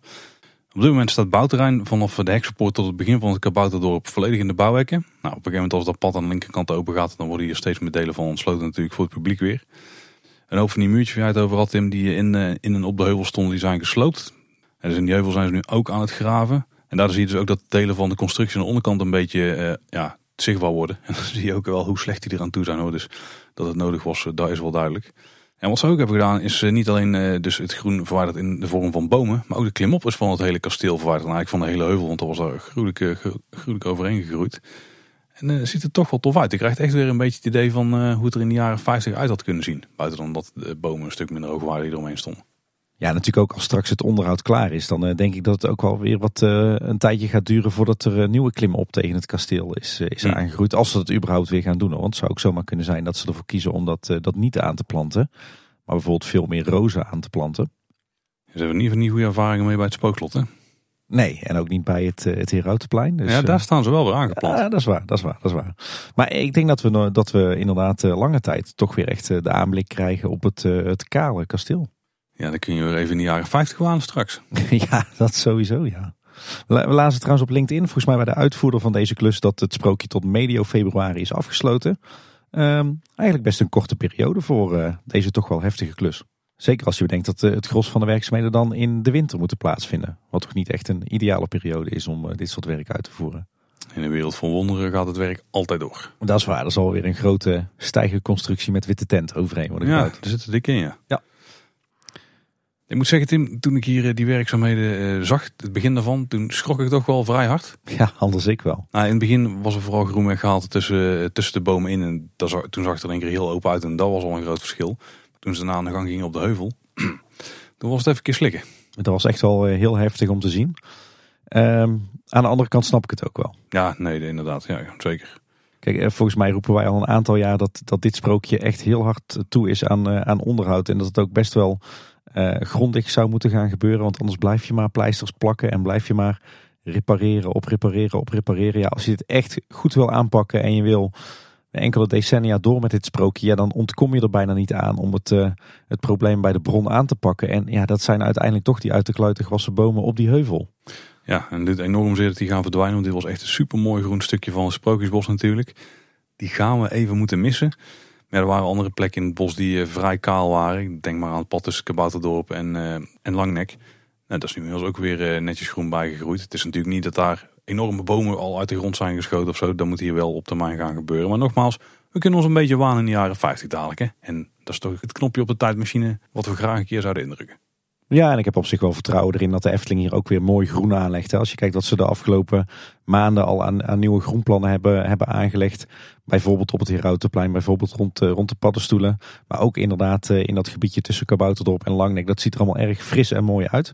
Ik hoop wel dat we toch weer bomen krijgen op de heuvel. In ieder geval aan de voet van de heuvel. En ik ben vooral heel erg benieuwd wat er met die heuvel zelf gaat gebeuren. En natuurlijk vooral met het gebouw. Gaat er een hoop gesloopt worden? Of kiezen ze hier dan wel voor, eh, voor gewoon plaatselijk herstel? Je zou bijna denken dat ze niet, niet kunnen ontkomen aan eh, sloopwerkzaamheden. Want die fundering die lijkt op sommige plekken toch ook wel heel slecht te zijn. Ja, het is voor ons lastig inschatten. We hebben natuurlijk vooral een stuk gezien aan de achterkant van het gebouwtje. Dus waar voorheen het pad rechts om het eh, gebouw heen liep. Daar ziet dan, en daar zag er niet zo heel goed uit. En als Nee. je daar nu tevoorschijn ziet komen, geeft het ook niet heel veel hoop. Maar het gaat er vooral om, dat buitenste, om de buitenste rand daar. Nou ja, als je daar echt mee aan de gang moet, dan moet er misschien Ja, meer gebeuren. Ja, misschien al- als op een aantal plekken de grond weggraven en gewoon nieuwe funderingjes storten onder het gebouw, tegen het gebouw aan. En ze kunnen het daarna weer opvullen met grond. Dan ben je dan misschien, eh, misschien ook in ieder geval bouwkundig een hele interessante klus. Ehm, heftig, maar ik denk ook dat het eh, echt wel heel hard nodig is hier. Waar misschien ook wel wat onderhoud eh, nodig was, Tim, dat is bij de Zeemermin. En daar gaat begin oktober het onderhoud starten. Eh, wat we nu weten is dat het straatwerk vernieuwd gaat worden. Het hele sprookje gaat opnieuw geschilderd worden. De techniek die gaat daar een update krijgen. Ja, Superveel techniek is er natuurlijk niet, maar de fonteinen gaan dan weer beter werken. Het fonteintje denk ik, muziek, verlichting. Ja, er is laatst wel een nieuwe lichtmast al geplaatst. Met LED. Misschien een nieuwe speakertjes dan. Ja, zoiets ja. Eh, En de Zeemermin die gaat eh, volledig in ere worden hersteld door decoratie en vormgeving. Ik hoorde al wat mensen die zeiden, ik hoop toch dat ze niet nu een soort van bikini aankrijgt. Zoals in de winter, dat, ze, dat we permanent geen borsten meer gaan zien. Ja, het zou ook goed kunnen uitpakken in dat geval. Maar ik hoop eigenlijk vooral dat die, die, die arm die nou een beetje in de lucht leunt, dat die wel ergens op gaat leunen. Ja, dat is wel denk ik een van de meest hardnekkige ook voor detailpuntjes van de laatste jaren, toch? Die steen die moet terug. En dit gaat dus eind november allemaal klaar zijn. Dus ze hebben een maand of twee om het allemaal te fixen. Nou, dat is te doen. Het is natuurlijk uh, een van de simpelere uitbeeldingen in het Sprookjesbos. Maar dat die arm er ergens op leunt, dat moet toch wel lukken in twee maanden tijd. Ja, ik zou zeggen, nu staat de zeemermin nog op die rots. Ga er nu naartoe met een blok schuim en ga nu uh, ter plekke die steen shapen, toch? Dat is misschien al lang gebeurd, in. Of zouden ze in de Dolomieten ergens de perfecte steen aan het zoeken zijn? Dat kan ook nog. Dat ze gewoon kiezen voor een, eh, een echte steen in plaats van uh, iets van polyester. Of een hele stapel misschien. Maar ziet er zo onnatuurlijk uit. Misschien moeten ze toch een keer inderdaad het stapeltje steen waar op zit een beetje herzien. Hmm. Of wordt het dan weer voor de diehard liefhebber een probleem? Zou zomaar kunnen. Nou ja, volgens mij het, stapeltje stenen waar ze nu op zitten is natuurlijk ook niet het origineel. Hè. Dat is uh, ergens rond het jaar 2000 helemaal opnieuw opgebouwd. En sindsdien missen we dus ook die steen waar haar hand op rust. Dus uh, wat, wat mij betreft mogen ze er ook wel een nieuwe stapel rotsen van maken hoor. Of gewoon net als de, de zeemermin van Kopenhagen, gewoon één kei. Dat lijkt me een keihard plan. Tim, ik hoop dat jouw stem al enigszins hersteld is. Maar een beetje afgaan op eh, de kwaliteit van je stem in de loop van eh, het, eh, het nieuws wat we hebben besproken valt een beetje tegen, denk ik. Het wordt alleen maar brakker. Ja, nou, het onderhoud komt eraan. Dus je moet wel aan de bak, vriend. Ja, precies. Zal ik het een beetje introduceren dan om jouw stem te sparen? Ga je gang. Volgens mij moeten we gewoon beginnen bij het fantasierijk. En die kan ik eigenlijk wel gewoon van je overnemen. Want bij Fabula doet de vallende boom het weer. Een keer. Ik weet niet voor hoe lang. Nee, nee, nee. We hebben het, ik heb het wel echt gecheckt. Het is nu echt al langere tijd dat hij het weer doet. Oh, Oké, nou dat is echt topnieuws. Dat moeten we hebben. Ja. Maar dat was het verder wel in Fantasierijk. Dus dan moeten we door naar ander rijk. Ja, tenzij je het nog wil hebben over eh, de schatkist die echt prachtig is opgepoetst. Ja, nou, je poetswerk hoeven niet altijd te noemen, toch? Nee, precies. Uh, door naar het andere rijk dan. Uh, in Fata Morgana valt op dat daar de laatste weken best wel veel bewegingstechnieken de geest geven. In de martelscène staat nu ook de tredmolen stil. Um, een van de buikdanseressen in de gevangenisscène die staat stil. En ook een van de tijgers heeft eh, de geest gegeven in de havenscène natuurlijk. Daarnaast waren er ook al een aardig aantal defectjes hier en daar in animatronics. Uh, dus het lijkt erop dat ze straks in oktober tijdens het, uh, het onderhoud van twee weekjes... dat ze aardig wat, wat werk hebben voor de poppendokter. En dan bij Max en Moritz, daar hadden we natuurlijk zo'n stalen balk die er uit de gevel stak. Die zat er al vanaf het begin. Die is om de voertuigen het gebouw in en uit te takelen. Ja, een soort kraanbaan hè? Ja, maar die was om een of andere reden was het nodig om die wat langer te maken. Misschien vanwege het plantsoen wat eronder zat. En wat gedoe om daar goed een, een aanhanger onder te krijgen. Dus die hebben ze op een gegeven moment verlengd. Ja, dan stak er echt gewoon een metalen balk uit. Ja. Maar die hebben ze nou afgewerkt. Er zit een, thematisch afdakje overheen. Dus uh, ook weer chic opgaand in het geel wat daar staat. Ook voor detail. Zeker. Dan door naar het Reizenrijk. Daar is de gondoletta weer geopend na de jaarlijkse onderhoudsbeurt. Dat was natuurlijk het, uh, het gebruikelijke onderhoud aan de grote draaischijf en ook de schijf in het water. En alle bootjes zijn weer opgepoetst. Maar ook de staalkabel is vervangen. Die moet iedere drie jaar er opnieuw ingetrokken worden. En het gebouw op de draaischijf met erin onderin de controlekamer heeft ook nog een schilderbeurtje gekregen. Ja, Vogelruk is ook in onderhoud gegaan vanaf 18 september. 27 oktober moet de attractie weer openen. Er is meer duidelijkheid over de werkzaamheden die daar plaatsvinden. Een groot deel daarvan kunnen we ook gewoon zien, want ze zijn er rieten dak aan het eh, renoveren. Ook zijn ze bezig met de dakbedekking van de platdaken eh, die er rondomheen liggen. Die worden allemaal vernieuwd. En we zien dat er eh, stijgers dus op het platdak zijn geplaatst voor het onderhoud aan die rieten kap.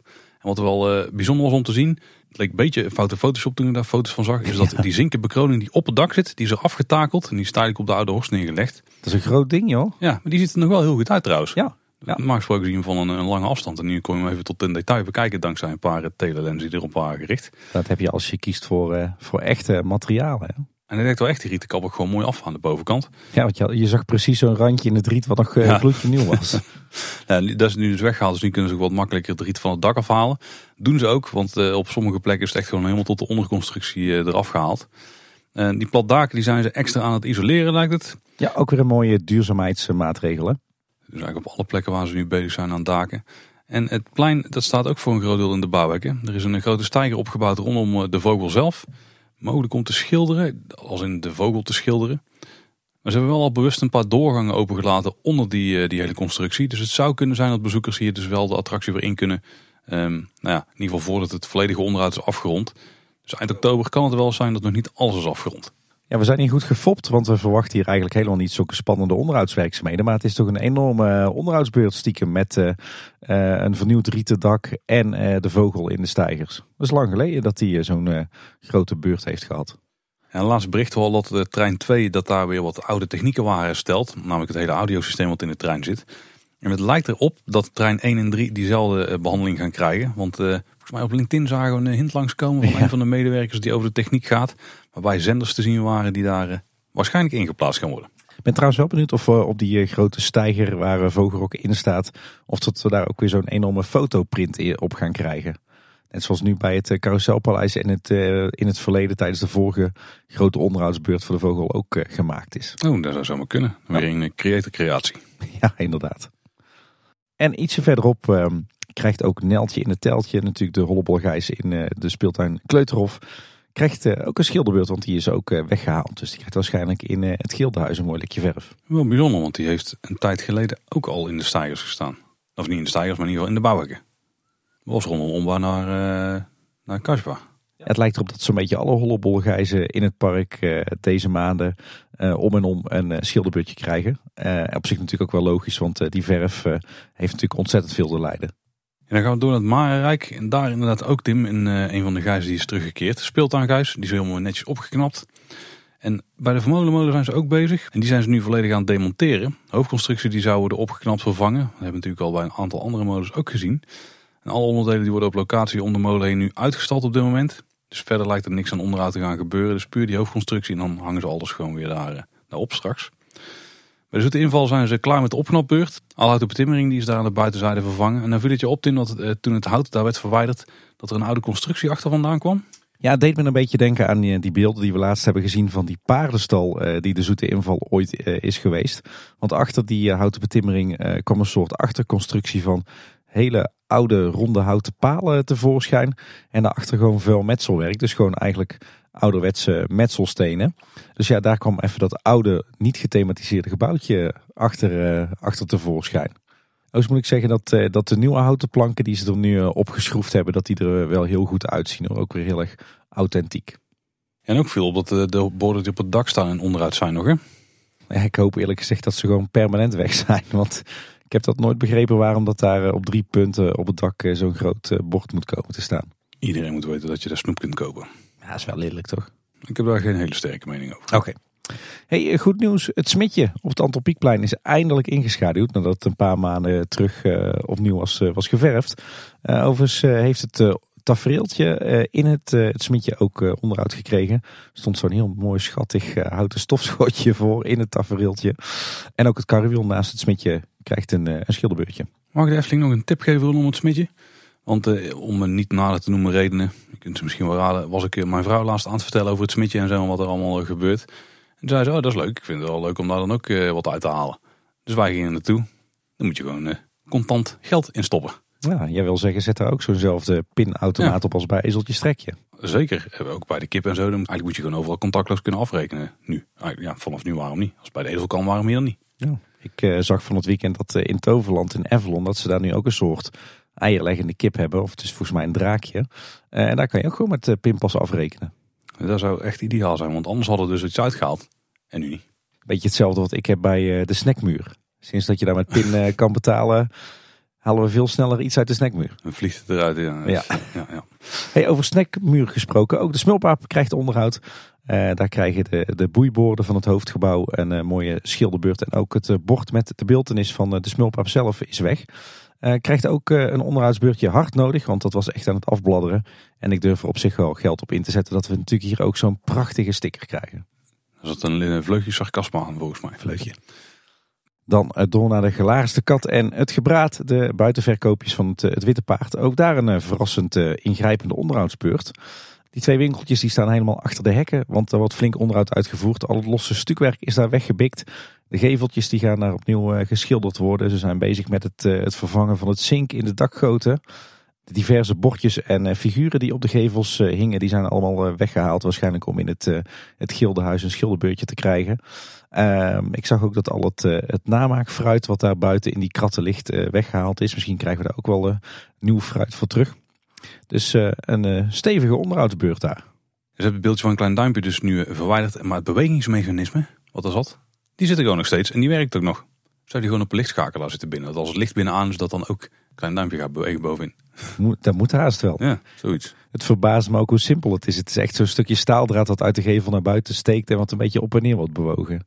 En met een draaiend wiel aan de binnenkant. Ja. ja. Ja, en verder lijken ze uh, in het Marenrijk volgens mij gewoon een, een, een, lijstje af te werken met alle restpunten die er nog zijn op het gebied van onderhoud. Want er gebeurt verschrikkelijk veel. Uh, zo staat locomotief Neefje natuurlijk uh, in het grasveld voor station Marenrijk. Inmiddels achter de bouwhekken in een grote witte tent. Hè, die wordt helemaal opnieuw opgeschilderd. De bomen in de middelcirkel van het Tom van de Vemplein, die zijn allemaal gekapt laatst. Uh, stonden natuurlijk al een lange tijd heel erg slecht bij. Er waren er al een aantal eerder omgekapt die waarschijnlijk echt gevaarlijk waren. Maar nu hebben ze maar alles omgezaagd. Dus ook dat plein ziet er aardig eh, kaal uit. Ik hoop dat we daar toch wel bomen terugkrijgen. Maar dan met wat, uh, wat betere groeivoorzieningen ondergronds. Verder is ook de informatiekiosk op het Tom van de Venplein onderhanden genodigd flinke schilderbeurt gekregen wat daar ook hard nodig was. En zelfs uh, de kiosk bij het Witte Paard waarop uh, de muziekverenigingen optreden. Die staat inmiddels uh, achter de bouwhekken voor onderhoud. Het dakcel is verwijderd en ook de hele staalconstructie is afgebroken. Dus ik denk dat ook de kiosk een flinke schilderbeurt krijgt. Bij de Lavelaar hebben ze ook een puntje aangepakt wat ja, vrij hardnekkig toch bleef. Want die terracotta kelkpotten die bij Los Brouwhuis daar buiten rondgaan... die waren al een hele tijd geleden weer in ere hersteld. Want die zijn een hele tijd kapot geweest poogden ze altijd planten in te doen, maar die gingen vrij snel kapot. En uh, nu hebben ze die gewoon uh, weer opgeknapt en vervangen van nepplanten. Zou een stuk langer mee moeten gaan in ieder geval. Ja, je moet heel hard je best doen, wil je die kunnen verzuipen. Ja. En dan moeten we door naar het Sprookjesbos. Nou, we hebben de twee grootste onderhoudsklussen. Nou, wat zeg ik? De, de eentje is afgerond. En twee grote die, zijn, uh, die staan op het punt om te beginnen of die zijn al begonnen. Maar bij Pinocchio hebben ze de, de opgeknapte poort weer teruggehangen. Ook de hengel is weer terug. Dus kan weer gehengeld worden daar. En bij de Indische waterlelies heb je voordat je het eh, gebouw betreedt, heb je zo'n zwart beeldje wat dan eh, naar beneden wijst. Hè. Dat is een beetje een Indisch trolletje of zo. Ja, zo'n soort mini-ginnetje of zo. Ja. Die staat bij de ingang en die is een onderhoud. Dus die zal vast wel weer terugkeren. Dit zal wel een vrij makkelijke zijn. Moet gewoon een zwarte laklaag op en een been ja, precies. En jou was opgevallen dat een enorme oude berkenboom die tegenover de sprookjesboom staat dood is, toch? Of dood lijkt. Ja, het viel mij op dat hij al heel vroeg al zijn blad was verloren. Dus uh, of hij is er vroeg bij vanwege de koude zomer. Maar het zou zomaar eens kunnen dat hij aan het eind van zijn uh, Latijn is. Meestal worden berken ook echt niet zo groot en zo dik. Je moet maar eens uh, opletten als je bij de sprookjesboom staat. Want het is echt een enorme berk. Nee, ik zeg het je, de sprookjesboom die ducht geen concurrentie in het bos. Dat blijkt. En dan in de wereld van Estling Tim gebeuren daar nog wat boeiende dingen. Ja, met name Bosrijk wordt op dit moment uh, flink onderhanden genomen. Er wordt er natuurlijk nog steeds gewerkt aan het, uh, het zandkasteel van Klaas Vaken in de Vijver. Maar ook de accommodaties komen aan uh, de beurt. Want er worden op dit moment diverse huisjes geschilderd. de buitenkant door Maas Schilderwerken, natuurlijk ook een vaste huisaannemer van de Efteling. En de schilders van de Efteling zelf, die zijn binnenwandjes aan het sausen. Verder vinden er allerlei werkzaamheden plaats aan verschillende daken van huisjes. Uh, en opvallend, uh, bij alle huisjes staat bij de voordeur een, uh, een soort houten bak waarin volgens mij het linnengoed wordt opgeslagen. die bakken die waren gemaakt van echt hout. Maar ja, na een aantal jaar wordt dat hout natuurlijk steeds minder waterdicht. En dat is niet handig als je daar je beddengoed hebt liggen. Dus je ziet dat ze nu in, het, in heel Bosrijk die bakken vervangen hebben. Of ze zijn volledig nieuw, of ze hebben de deksels vervangen door ja, volgens mij een, een beetje een trespa of een kunststofachtig materiaal. Wel met houtlook. Maar uh, op die manier uh, zijn die bakken nu weer waterdicht. Hm, slim.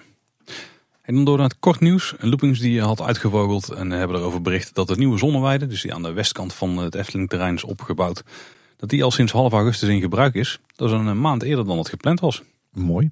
De zomerefteling is afgelopen, dus bij het zomerstrand zijn ze nu ook allerlei werkzaamheden aan het doen. Ze zijn er uiteraard aan het afbouwen, maar er wordt ook gewerkt aan een nieuw verhardpad richting tijdens de zomer ongebruikte gedeelte van de speelweide. Dus parallel lopend aan de dubbele laan. Zou dit een voorteken zijn van wat meer permanente inrichting van de speelweide? Dit zal ongeveer de richting zijn waar ik dan de schaatsbaan verwacht straks. Ja, dat is natuurlijk wel wat, wat we verwachten. Hè? Dat ze die, uh, al die permanente voorzieningen die ze nu hebben aangelegd voor het zomerstrand, dus de ondergrondse infra, maar ook al het straatwerk, dat ze dat uh, straks gaan hergebruiken voor de warme winterweide. Zou dan ook volgend jaar een, grotere variant krijgen misschien van, uh, de zomer, van het zomerstrand? Maar waar gebruik je dan die enorme rechthoek voor waar nu die schaatsbaan uh, komt te liggen. Op een gegeven moment zet je hekken. Maar ergens kun je misschien dan wat hartiger horeca plaatsen. Oeh ja. Ik zou voor zijn. Een grote braai. En uh, wat meer terrasplaats dan. Daar waar je dat je kunt eten. Ik ben, ben, trouwens wel benieuwd of ze dan nu zeg maar het, het podium van Jokie en Jet, waar de luchtballon op stond, of dat ze dat, dat dan nu gaan gebruiken voor Pinocchio en VDV. En die twee cirkels waar we tijdens het zomerstrand natuurlijk het, eh, het zandkasteel en het springkussen hadden. Of we daar dan de kampvuren gaan krijgen. Ja, zoiets verwacht ik ja al. Heb je natuurlijk ook nog het, eh, het ronde eentjes eh, hengelen. Ze ook al zo'n tent voor hebben. Misschien dat die op een van die twee plekken komt staan. Is een plek zat om die ergens anders neer te zetten.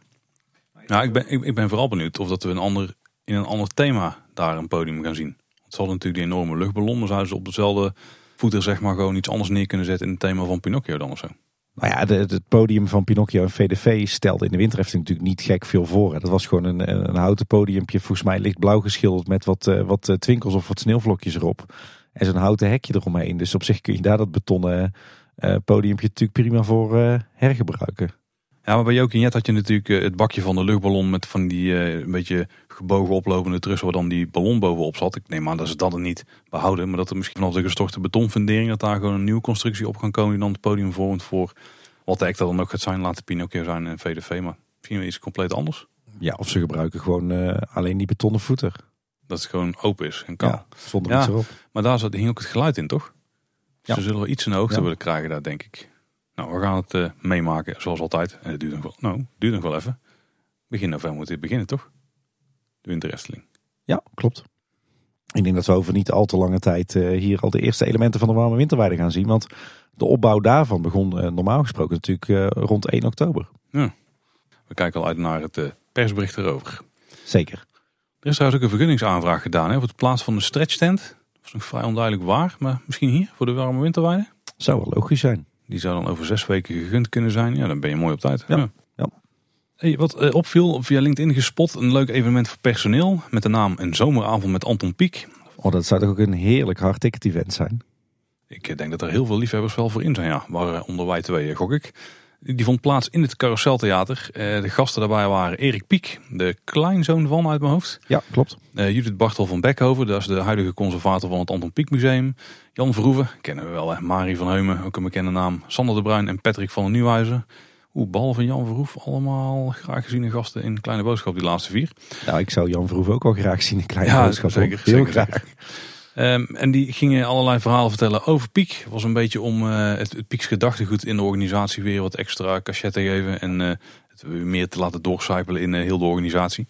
Ehm, die verhalen gingen onder andere over Piek als opa, Piek als kunstenaar, de wekelijkse bezoeken van Piek als opzichter aan de Efteling. Ik kan me wel voorstellen dat de Mari en Jan daar mooie verhalen over hebben. Zeker. En hoe het nalatenschap van Piek voortleeft in de Eftelingen van nu. Nou, daar zullen absoluut Sander en Patrick iets over kunnen vertellen. Ik was hier zo graag bij geweest. Hè.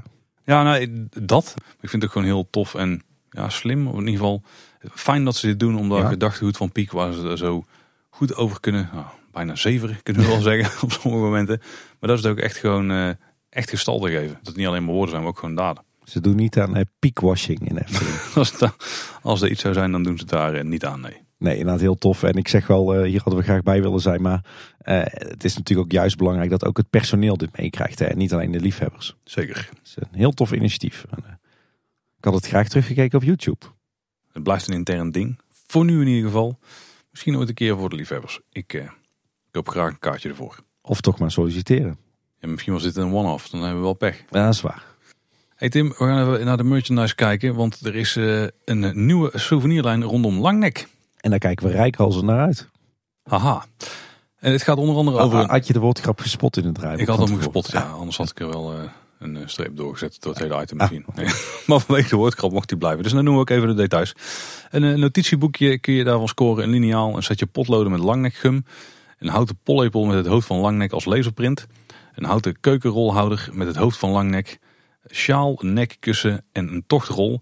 En Tim, ik denk dat het allerbeste item wat ertussen zit toch wel de sokken waren. Ja, Ik kan je helemaal voorstellen dat als je die erop trekt, dat daarmee ook de nek van Langnek lang wordt. Die vond ik wel vrij uitgevonden. ik vind, zo, ik vind sowieso wel een leuke, leuke lijn. Ja, maar wel een vrij eh, onpraktische lijn. Want een aantal van die, van die dingen die je bij kunt kopen, die zijn zo lomp groot. In zo'n vreemde vorm, dat hetgene waar ze voor bedoeld zijn, dat misschien niet zo makkelijk om uit te voeren is. Ja, maar ik moet zeggen, ik ben de laatste tijd weer op veel leisureplekken geweest waar ze in de souvenirwinkels echt alleen maar van die standaard meuk verkochten die niks met het betreffende park of museum of dierentuin te maken had. En dan denk ik van, potverdikkie, de Efteling is toch echt wel goed bezig met al die eh, dedicated eh, merchandise. Eh, had je niet idee dat dit ook een beetje wat weg had van het steltje van die, ja, we dat, met, die, met al die vierkante gekleurde vakken en zo? Ja, die geometric Ja, die, ja, ja. Ja, ik weet niet of het, het, het voelde wel echt alsof ze weer ergens een leverancier hebben gevonden die een soort uh, pakketje kon aanbieden. En dat ze zeg maar alles hebben aangevinkt op de lijst. Uh, ja, nou ja, het was wel een creatieve leverancier dan in ieder geval. Ja. Ik, ik kan me helemaal voorstellen dat, uh, dat, de F, dat de deur bij de Efteling wordt platgelopen door leveranciers zo'n merchandise. Oh ja, daar kan ik me ook wel voorstellen, ja. Nou, wil je dit scoren? Vanaf eind september kun je in Efteling en de Marskramer deze collectie vinden. Voor een scherp prijsje vaak. Ja, is voor de langnekliefhebbers goed nieuws. Hey Tim, ook een, een mooie foutje rondom merchandise. Want de Efteling heeft uh, per ongeluk de fotoboekjes van 2021 uh, opnieuw besteld in plaats van die van 2022. Die zijn daarmee in grote getalen herdrukt. En die zijn nu in de verkoop voor geen 4 euro, maar 2 euro. Dus je kan voor een heel zacht prijsje nu een fotoboekje scoren.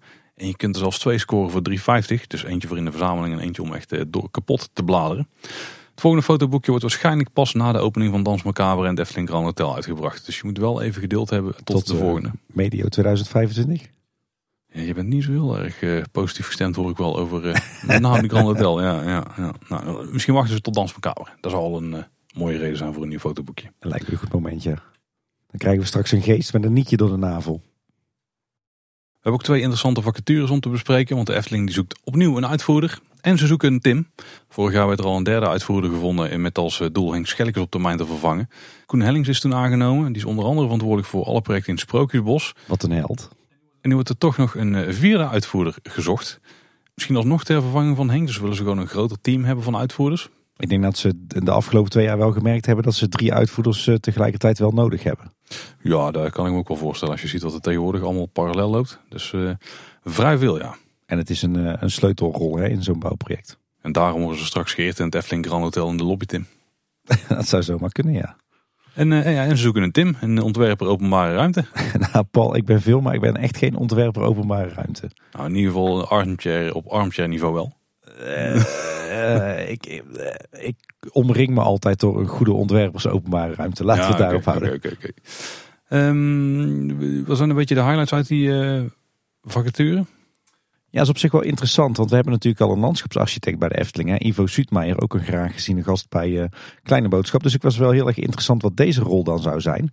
Sowieso hoe zo openbare ruimte de Efteling is hoogstens semi-openbare ruimte, zou, eh, zou, je kunnen zeggen. Ja, Maar goed, uh, waar bestaan de, de, de taken uit? Uh, je moet uh, ontwerpen gaan maken voor omgevingsplannen en beplantingsplannen voor de openbare ruimte van de Efteling, van initiatief tot realisatie.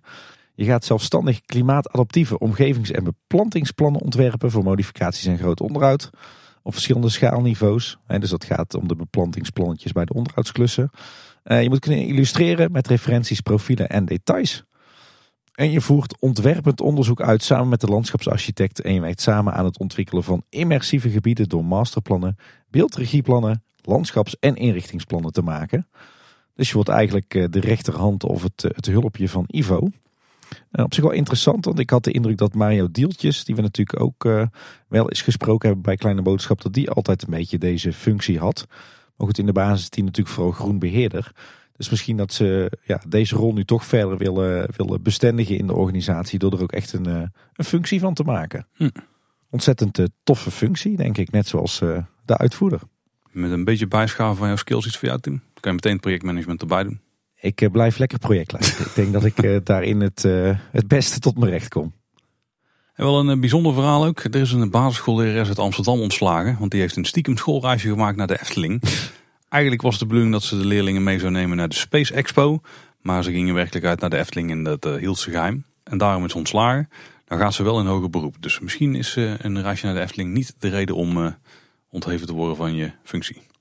Ik moet zeggen dat ik wat betreft dit verhaal wel heel erg op twee gedachten hing. Want aan de ene kant denk ik, goh, ik zou als ouder ook wel heel, best wel boos zijn als mijn kind stiekem naar een andere plek zou zijn vervoerd door een docent dan van tevoren was aangegeven.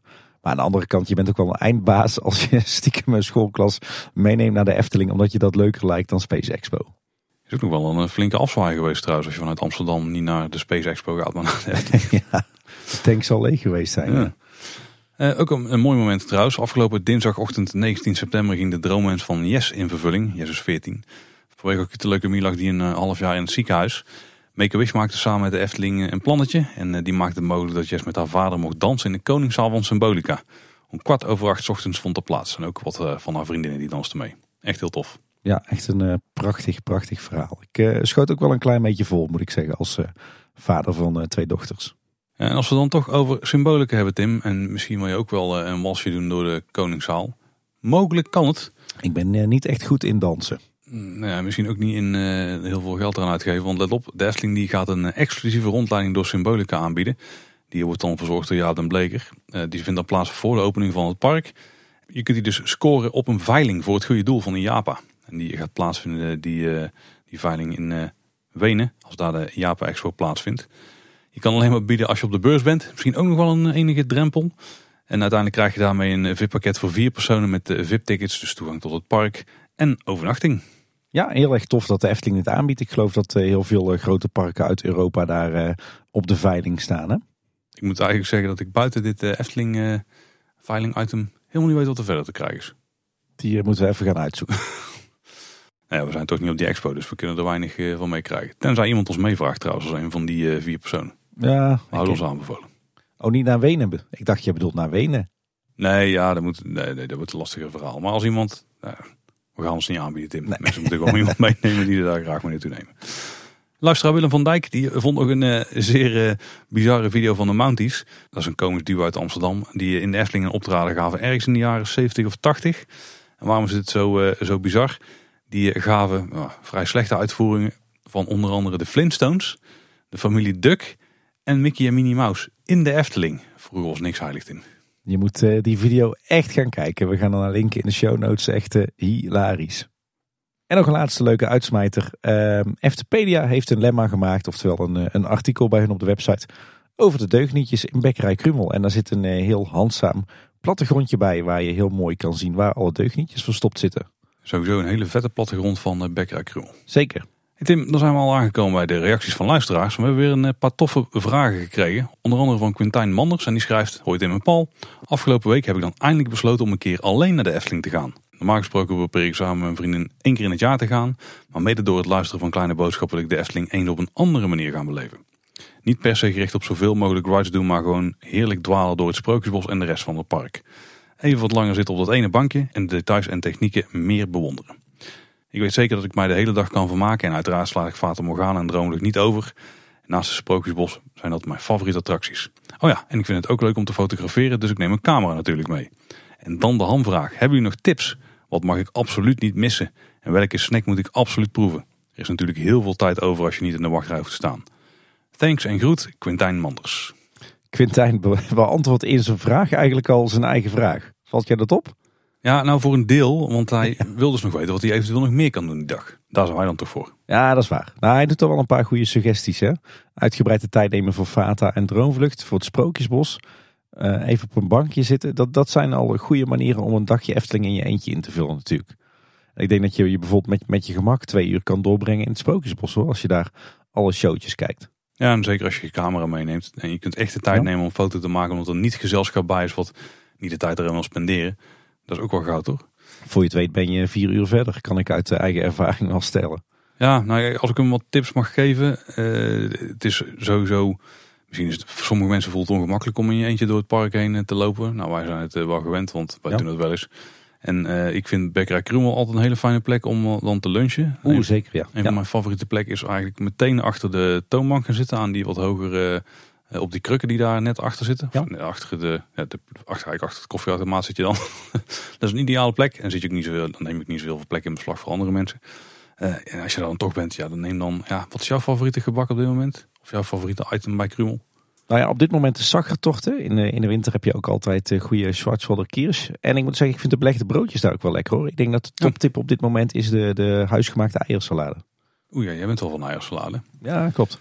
Uh, ja, ik zou daar toch nog steeds voor uh, de koekruimel karamel gaan. Dat is echt wel mijn uh, favoriete unit. Nou. Pretzeltje erbij, dan heb je een prima lunch. Overigens lekker pannenkoekje in Polles keuken kan ook prima hoor. In je eentje ja, ga je gewoon ja. aan zo'n hoge tafel zitten.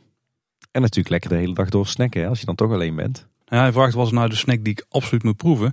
Ik denk dat mijn tip misschien tegenwoordig een van die stroopwafels is bij uh, de kogeloog. Oh, die zijn echt wel zoet hoor. Ja, die zijn ook supergoed daardoor. Ik denk dat onze favoriet is met witte chocolade en dan die karamelblokjes. Hé, die van mij ook. Ja, dat is echt een goeie toch, of niet? Ja, dat is de kleine boodschap signature favoriete stroopwafel. Zeker. Nou, weet je wat mooi is? Nu ik erover nadenk. Eigenlijk is daar een beetje de stroopwafel geworden uh, shortcake. Die je dus niet meer kunt krijgen in het park. Dat is een beetje jammer. Ja. Dat is dan een vervanger daarvan. Ja, ik zou dan de basics aanraden. Dus je moet echt gewoon even een lekker Brabants worstenbroodje eten. Of de kleffe bami schijf. Liefst eentje die al heel lang in de muur ligt. Dus dan moet je de onderste of de bovenste hebben. Ja, ik ben ook nog steeds wel fan van uh, de uh, goudstaafjes special bij het melkhuisje bij Baron 1898. Ook meer zoet trouwens, ja. als je die krijgt. Dus dat is blijkbaar wel mijn ding. Maar, maar volgens mij wou Quintijn meer weten dan alleen snacks, toch? Nou, hij vroeg specifiek om de snacks. Ja, dus, dat is uh, die, die moet hij absoluut proeven. Uh, wat mag je dan verder niet missen? Ja, ja ik zou inderdaad, als jij zei Tim, sprookjes kijken in het Sprookjesbos. En soms ook vaker dan één keer. Ja, ja en ik zou datzelfde zeker doen ook in Lavelaar. Daar zou ik ook echt de tijd nemen voor de tafereeltjes. Uh, rond je diorama op je gemak. Rond de kast. Denk ik ook wel een aanrader. En verder gewoon op je gemak een beetje rondstruinen. Hè? Ik zou ook gewoon meermaals in uh, Pagode gaan, denk ik. Of een rietje met de stoomtrein. Ja, zeker een goeie. Bezoek je aan het Efteling Museum? Oh, ook, ja, dat is zeker een goeie. Zo. Ja, of, of neem een keer de tijd voor bijvoorbeeld Ravelijn. Dat is ook typisch zoiets wat je denk ik niet snel uh, met een gezelschap doet als je twintiger bent zonder kinderen. Ik noem aan Dwarsstraat. Ja, nou, ja, ja, ja, ja. En misschien ook wel leuk om een keer uh, over een van de verblijfsparken te lopen. Dus doe eens een rondje Bosrijk of een rondje Loonse Land. Dat is denk ik voor veel mensen ook nog wel iets wat ze niet snel zullen doen uh, in gezelschap. Wat je in het algemeen ook uh, moet doen, denk ik, is gewoon niet de gebaande paden nemen. Dan lopen ze bijvoorbeeld als je het park binnenkomt rechts om de Aquanura vijver heen. Gewoon een paadje zo langs Fata Morgana. Kun je die zijde van het gebouw eens even goed checken. Want het ziet er ook gewoon heel mooi uit, ook van dichtbij. Ja. Een keer in het Frikandellentheater gaan zitten. Ja, misschien als je dan toch op een bankje gaat zitten, doe dat eens in het uithoekje van het Anton Pieckplein. Oh ja. En ga daar uh, misschien een van de snacks nuttigen die je ergens hebt opgedaan. Hoe je het eigenlijk moet benaderen is van, als ik nu wel met gezelschap ben, was er dan dingen waarbij ik altijd denk van hier wil ik iets langer blijven, maar waarbij andere mensen niet dat geduld hebben en sneller vandoor willen gaan. Ga gewoon langs al die punten in het park en neem gewoon de tijd totdat je het zelf een keer beu bent. Ik denk dat dat het grootste cadeau is wat je zelf kunt doen op zondag. En geniet. Dus pak af en toe een, een terrasje en eet en drink wat. Ik denk dat Quintijn hier nou wel mee uit de voeten kan, Tim. Ik denk dat Quintijn uh, aan drie dagen nog niet genoeg heeft. die uh, moet dadelijk ook een hotel erbij gaan boeken, ja. ja. Hey, we kregen ook een berichtje van Jesper de Nul en die schrijft... Familie van Joop? Oeh, wel dezelfde initialen. Nee, zijn achternaam spel je net iets anders. Nou, misschien is hij incognito. Hij schrijft, hoi Tim en Paul, ik ben onlangs voor het eerst in lange tijd weer eens in Disneyland Parijs geweest. Ik ben sinds november 2022 abonnementhouder bij de Efteling en ben sindsdien al zo'n 15 keer in de Efteling geweest. Dus ik was erg benieuwd hoe Disneyland Parijs zich verhoudt tot de Efteling. Vandaar mijn vraag. Welke parallellen kunnen jullie trekken tussen de Efteling en Disneyland Parijs? Wat kan Efteling van Disneyland Parijs leren en andersom?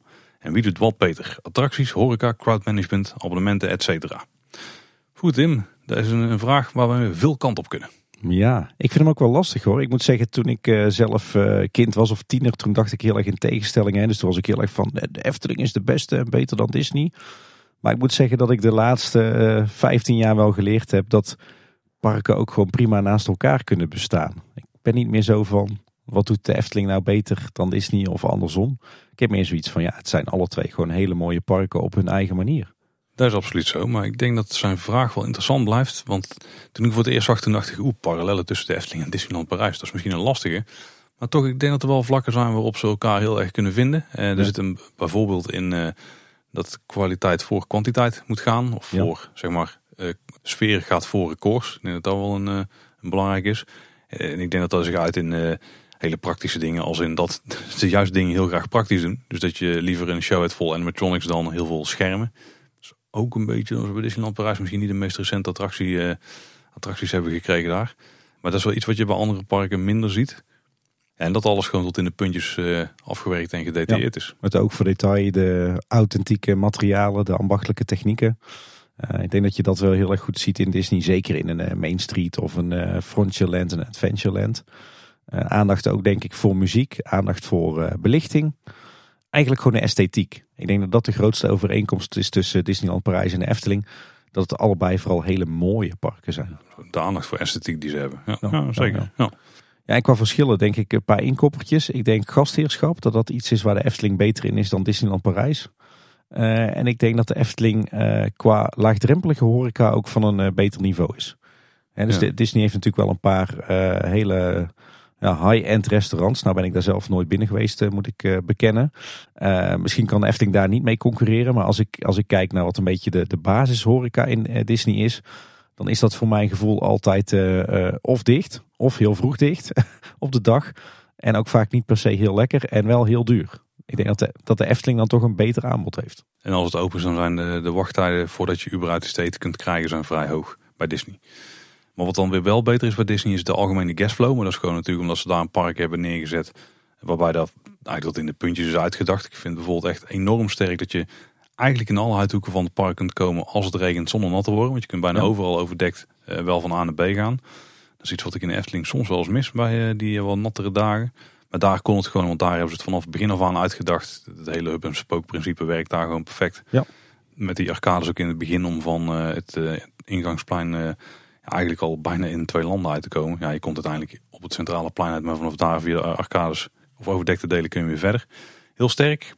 Um, en daarmee is het crowdmanagement. Ja, ik weet niet per se of dat beter is bij Disney. Ze doen er wel meer aan, maar dat komt ook omdat ze van die plekken creëren waar het gewoon heel druk wordt. Met name als er parades zijn. Die ze dan ook zeker beter doen dan iedere parade die de Efteling ooit heeft gehad. Want het heeft nooit heel veel voorgesteld bij de Efteling. Nee, maar als je het, het wat breder trekt, weet ik niet of Disney nou per se, uh, Disneyland Parijs dan specifiek, of die nou per se een betere eindshow hebben. Want ik vind Aquanura toch wel net wat mooier en stijlvoller en subtieler. En ook praktischer omdat je er van alle kanten omheen naartoe kunt kijken. In plaats van alleen van één goede kant. Ja. ja. ik denk wat beter is in Disneyland Parijs dan in de Efteling is. Ik denk dat de Disneyland Parijs in 1992 of 93 of 95 dat dat net wat meer compromisloos is dan de Efteling. Ja, absoluut. Ja. In de Efteling heb je toch best wel wat plekjes nog waarvan je denkt van hmm, dit is half af of dit zou beter kunnen. Ja, wat ik bij Disney af en toe wel, dat vind ik gewoon mooi aan eh, hoe die parken gebouwd worden, is dat het zo ontzettend ambitieus is op punten. Ja. Als je ziet hoe gigantisch groot Pirates of the Caribbean is, of hoe gewoon Big Thunder Mountain, gewoon dat ze überhaupt ja, dat ze het hebben aangedurfd om zoiets neer te zetten. Daar gaat ik nergens over. Als je ziet hoe daar is afgewerkt, 360 graden zo groot. Ja, dat is toch wel, uh, ja, dat is gewoon echt wereldklasse. Ja, ja ik moet wel zeggen, daar, zit wel beweging in hoor. Want ik, ik denk tien jaar geleden zou ik best oprecht durven zeggen, ik hou van de Efteling en ik hou van Disney. Maar als ik dan zie welke kansen de laatste jaren uitgaan met, met steeds meer IP-based attracties, met steeds meer schermen, met steeds meer compromissen. Ja, dat doen ze dus in Disneyland Parijs. Een stuk minder. ja, precies. Komt überhaupt een stuk minder tevoorschijn. Maar. Ja, maar eh, dus dan denk ik van, hmm, ik weet niet welke kant Disney op, op gaat. Ik denk dat, eh, dat Universal uh, onderhand uh, op een hoger kwaliteitsniveau ligt. Als je kijkt naar hun laatste investeringen. Maar goed, dat is een, een andere discussie voor een andere podcast. Maar ook absoluut alles op basis van IP bij Universal. Nog veel erger dan bij Disney. Ja, dat is waar. Maar wat ze daar dan weer doen met die IP staat misschien wel beter. Maar goed, ander, ander verhaal, andere discussie. Ik, ik denk ook een groot voordeel van Disneyland Parijs ten opzichte van de Efteling is een serieus uitgaansgebied. Oh ja, dat is ook een goeie. En uh, het entertainment, op, tenminste de grote shows, die zijn daar, nou, laat zo op, op zijn minst ambitieuzer noemen. Met veel grotere casten en uh, ja. spektakelwaarden. En de, de castmembers van Disneyland Parijs kunnen beter Frans dan de medewerkers van de Efteling. Dat is ook een sterk punt, ja. ja, ja, ja. En de medewerkers gedragen zich een stuk Franser in uh, Disneyland Parijs dan dat ze bij de Efteling doen. Ja, behalve meneer Gounet. Nee, die gedraagt zich niet Frans. Dat is waar. Maar eh, ja, weet je, ik denk onderaan de streep kan je heel veel vinden van, van de Efteling en van Disneyland Parijs. Maar ja, ik blijf erbij. Ik, het zijn twee totaal verschillende parken van twee totaal verschillende bedrijven in twee totaal verschillende landen. En ik denk dat ze prima naast elkaar kunnen bestaan. Ik denk niet dat het een, uh, een concurrentiestrijd moet zijn. Nou, absoluut. Ja, en, maar misschien op dat vlak wat zou Disneyland Parijs kunnen leren van de Efteling en wat zou de Efteling kunnen leren van Disneyland Parijs? Die vraag stelde je ook nog. Nou, ik denk als je kijkt naar de, de toevoegingen aan de Efteling van de laatste jaren. Eh, denk aan de symbolica aan Bron 1898, eh, de Zes Zwanen. Ehm, de wereld van Simbad, eh, tenminste Sirocco en Archipel. Dan denk ik van ja, dat is dan wel weer van een, een niveau waarvan je zegt van... Nou, dat is echt wel Disney kwaliteit. Terwijl als je dat spiegelt ten opzichte van de laatste toevoegingen van Disney dan denk ik van hmm, misschien streeft de Efteling naar Disney juist wel voorbij in hoe hoog de lat ligt. In Parijs wel, ja. Ja, het nieuwe Frozen gebied wordt volgens mij wel helemaal tot in de puntjes uitgewerkt. En het nieuwe Avengers gebied is ook wel oké voor wat het is. Maar het is natuurlijk nog steeds vrij industrieel en zo. Ik denk dat wat Disney nog wel van Efteling kan leren is gewoon überhaupt met enige regelmaat iets nieuws bouwen. Dus daar missen ze daar gewoon wel echt. De, de, bezoekerscijfers daar die blijven enorm hoog. Dus misschien hebben ze het niet nodig. Maar ja, vergelijk met de andere Disneyparken, daar, daar gebeurt tenminste nog iets. En in vooral het hoofdpark in Parijs blijft het gewoon enorm rustig. qua nieuwe ontwikkelingen. En andersom vind ik hem lastig. Misschien is het wel gewoon het uitwerken van die complete themagebieden. Misschien is het wel uh, 30 jaar geleden dat ze het daar voor het laatst echt goed hebben gedaan. Maar als je daar kijkt naar heel Frontierland met um, Big Thunder Mountain en dan Phantom Manor. Maar ook hoe de winkeltjes daar dan bij betrokken zijn en zo. En dat het, er zit toch een achtergrondverhaal in. Dan word je nergens echt door de strot heen geduwd. Maar je voelt het wel gewoon. Dat ja, vind ik wel echt die, heel die impliciete storytelling, dat uh, kan Disney wel heel goed. Tenminste, dat konden ze heel goed. Misschien nog steeds wel, maar hoeft het wel even laten zien. Ja. Dus ik denk dat ze beide zeker iets van elkaar kunnen leren. Ja. Was een interessante vraag, Jasper. Ja, maar uiteindelijk is de Efteling natuurlijk de beste. Uiteraard, zonder twijfel. Binnenkort weer boksen met uh, Ralf, Joren en Michiel hoor ik wel. Daar zeg ik geen nee tegen. Tim, dan gaan we door naar en dan nog dit. En uh, ik heb denk ik een tipje. Want een van de grotere spelers hier in uh, Leisureland ooit in de buurt. Ja. Ik geef al een lichte hint. Was natuurlijk het land van ooit in Drunen. Uh, houdt de gemoederen her en der toch nog wel bezig. Zeker. En zo ook het collectief wat zich Theaterplatform noemt. Want die gaan namelijk een voorstelling spelen rondom het land van ooit. En die heet Nu of Ooit. In de Voorste Ven in Drunen gaat het allemaal plaatsvinden. Op 3, 4 en 5 november. En je kan het wel raden, dit gaat een eerbetoon worden aan het voormalige land van ooit. Eh, wat ze zelf erover schrijven is dat de grenzen dichtgingen in november 2007, maar de ooiters bleven stand houden. Nu maken zij zich op voor een grootse heropening. Sap, de gouverneur, Kloontje, Ridder Graniet, Jean d'Orange, Dam, Grandeur en vele anderen bereiden zich voor. Maar dan loopt er zomaar een landmeter het terrein op. Wat is er aan de hand? En waarom is Bode Bouwer zo vastberaden om het land van ooit met de grond gelijk te maken? Oeh, suspense. Zeker Tim. Maar die namen die doen mij ook alweer uh, wat jeugderingen op, uh, ophalen, denk ik of niet? Zeker. Dus nou, lijkt je dit interessant? Tickets die eh, zijn te koop. We zullen een linkje in de show notes plaatsen. Dus misschien tof voor uh, de ooit-liefhebbers om daar langs te gaan. En volgens mij zitten er wel een hoop bij ons in de luisteraars. Ja, mijn, mijn vrouw heeft al kaartjes om hier naartoe te gaan. Oh, serieus? Ja, met een collegaatje. Tim, jullie nog interessante dingen gedaan de afgelopen tijd? Ja, ik, ik doe een opzetje, maar ik weet gewoon dat jullie naar een ander pretpark zijn geweest. Ja, dus daar moeten we het even over hebben, denk ik. Ja, wij zijn weer naar Toverland geweest. Natuurlijk met name om het, eh, het nieuwe Avalon te bezoeken. Was wel leuk. We waren met een groep van 17 man. Zo. Waaronder een, eh, een heel aantal van mijn eh, grote Efteling vrienden die ik al bijna 25 jaar ken van de Efteling. Dus dat was een heel leuk gezelschap met, alle, met ieders kinderen. Dus het was volgens mij van 1 tot ergens in de 50. echt een hele toffe groep. En ja, hoofddoel naast een gezellige dag was natuurlijk het, het vernieuwde Avalon ontdekken. Oh ja, daar heb jij nog een mening over gehad van tevoren. Laten we het daarop houden.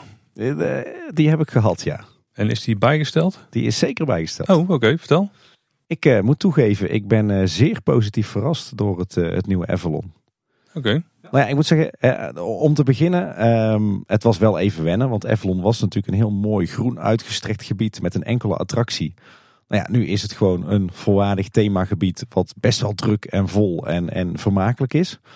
Eh, en ik moet zeggen, het steltje en de kleuren waarvoor is gekozen en zeker ook de nieuwe muziek is niet per se mijn smaak. Nou hebben we wel gehoord dat Toverland het stiekem ook wel een beetje doet om ervoor te zorgen dat het niet te veel een tweede Efteling wordt. Hè. Dus ze kiezen bewust voor wat meer die karikaturen en wat meer die primaire kleuren. Dat is niet zo mijn ding. Maar goed, smaak is natuurlijk eh, subjectief. Ehm, wat me ook nogal opvalt in de uitwerking bij Toverland is dat het toch nog vaak, zeker als het decors zijn of animatronics, best wel plastic fantastic is. Hè? Dat zit hem denk ik met name in uh, het budget of, of de partijen waarmee wordt gewerkt of de technieken die worden gebruikt. Uh, maar goed, ik denk dat dat iets is wat zich de komende jaren ook wel gaat ontwikkelen bij Toverland. Maar als ik gewoon puur even kijk naar wat ze met Avalon hebben gedaan als, als themagebied. Ja, dan hebben ze het wel echt ontzettend goed aangepakt hoor. En we hadden het net al een beetje over, over compromisloos. Uh, nou ja, dat geldt zeker voor het nieuwe Avalon. Uh, nu met die vier infills die zijn toegevoegd. Maar ook met al het andere wat er is toegevoegd. Hè. Allerlei huisjes met kijktafereeltjes. Diverse speeltuinen. Een waterspeeltuin. Uh, zoals binnenspeeltuinen. Uh, allerlei interactieve elementen. De horeca. Ja, het is echt een volwaardig themagebied. Uh, wat ook helemaal immersief is. Dus alles klopt. Alles is afgewerkt in dezelfde stijl. Heel veel aandacht besteed aan, aan, aan de landscaping. Hè. Dus aan de verharding, aan het groen alles is mooi gepositioneerd ten opzichte van elkaar. De hoogteverschillen, de plantsoentjes, de hekjes. Ehm, alles klopt gewoon. Alles is afgewerkt. Overal is aangedacht. Het verhaal klopt. Best wel veel kinetics met, met, met, met licht, met beweging, met water. Uh, het is echt gewoon een volwaardig themagebied van uh, ja, op zich uh, objectief een heel hoog niveau. En de attracties die ze hebben geplaatst, zijn die ook de moeite? Ja, zeker. Ja. Je hebt natuurlijk de, de rides die met name voor de, de kleintjes zijn. Hè? De Jumping Juna, zeg maar gewoon de, eh, de, de draaimolen en de Garden Tour. Wat eigenlijk gewoon uh, een soort autootjesattractie is. Uh, die zijn heel leuk voor de kids. Dan heb je natuurlijk Dragon Watch, wat, wat echt gewoon een, een hele leuke, laagdrempelige troptoren is eigenlijk met mooi uitzicht. Ja, en Pixar is, is echt wel een gaaf ding hoor. Echt een leuk apparaat. Lang niet zo misselijkmakend als ik dacht. Tenzij je waarschijnlijk honderd keer over de kop gaat tijdens de rit. Maar dat is me niet gelukt. Nee, echt ook een hele vermakelijke attractie. En ook heel goed dat, dat, dat bij beide grote attracties. Hè, dus bij Pixar en Dragon Watch. Daar zit ook een gethematiseerde wachtrij. Er zit een voorshow met storytelling. En het is allemaal, wat ik al zei, net wat, wat meer karikatuur. En net wat meer primaire kleuren dan bij de Efteling. En net wat meer uh, neppig nog. Maar ja, ze zijn hier echt wel lekker bezig hoor. En als je dan kijkt naar het, doel eigenlijk van deze investeringen. Het, het verlengen van die verblijfsduur daar. De ALOS zoals Pieter Cornelis dan zo mooi zegt altijd.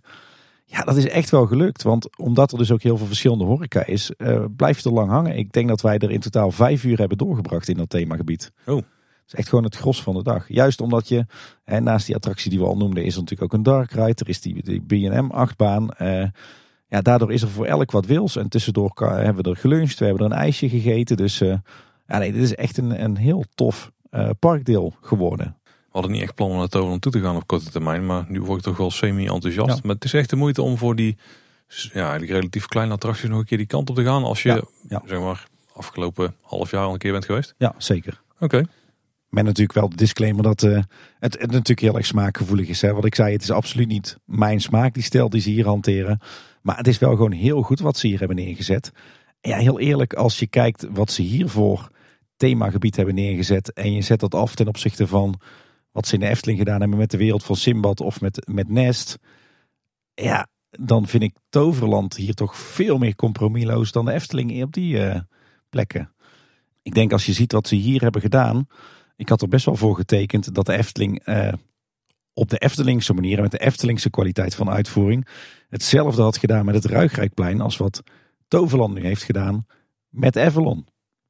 In plaats van Speelbosnest. Dus nee, wat mij betreft uh, mag dit ook echt wel een inspiratiebron zijn voor uh, de Efteling. Ja, ik moet zeggen dat wat, ik ben er nog niet geweest, maar het ging natuurlijk initieel over de investering in die kleine attracties. Ik noem het kleine, twee zijn er vrij groot. Um, maar wat ik vooral heel tof vind is dat ze dus juist die extraatjes hebben toegevoegd, weet je wel. Het is niet alleen maar die ene blikvanger en dan een klein beetje decor. Nee, het zijn wat kijktafereeltjes. Je hebt eh, wat je net, dat er ook zo'n soort kip is waar je, ja. een draak in dit geval, die eieren legt. En wat speelelementen die erin zitten.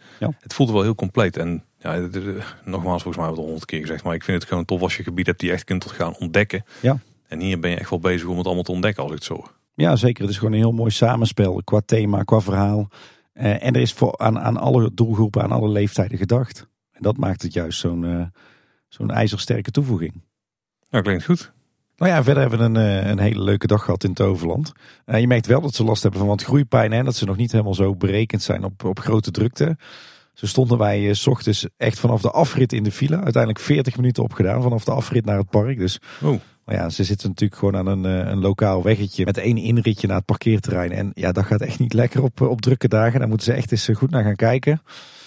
En ja, je merkt ook dat de, dat de horeca in het park echt nog niet berekend is op, op grote drukte. Dus lange wachtrijen.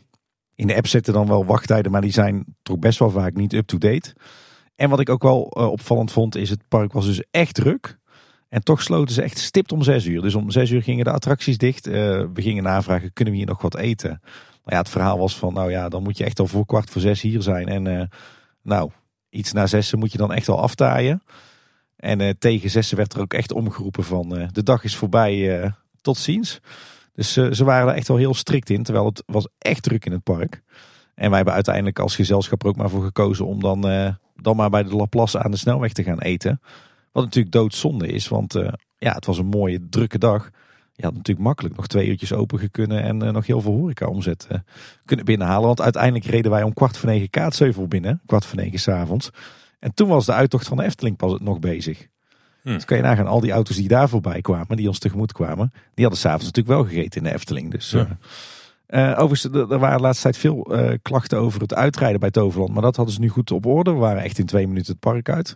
En ik heb in, uh, in de eerste hal, die volgens mij nog een beetje in het thema van Toos Toverdoos is.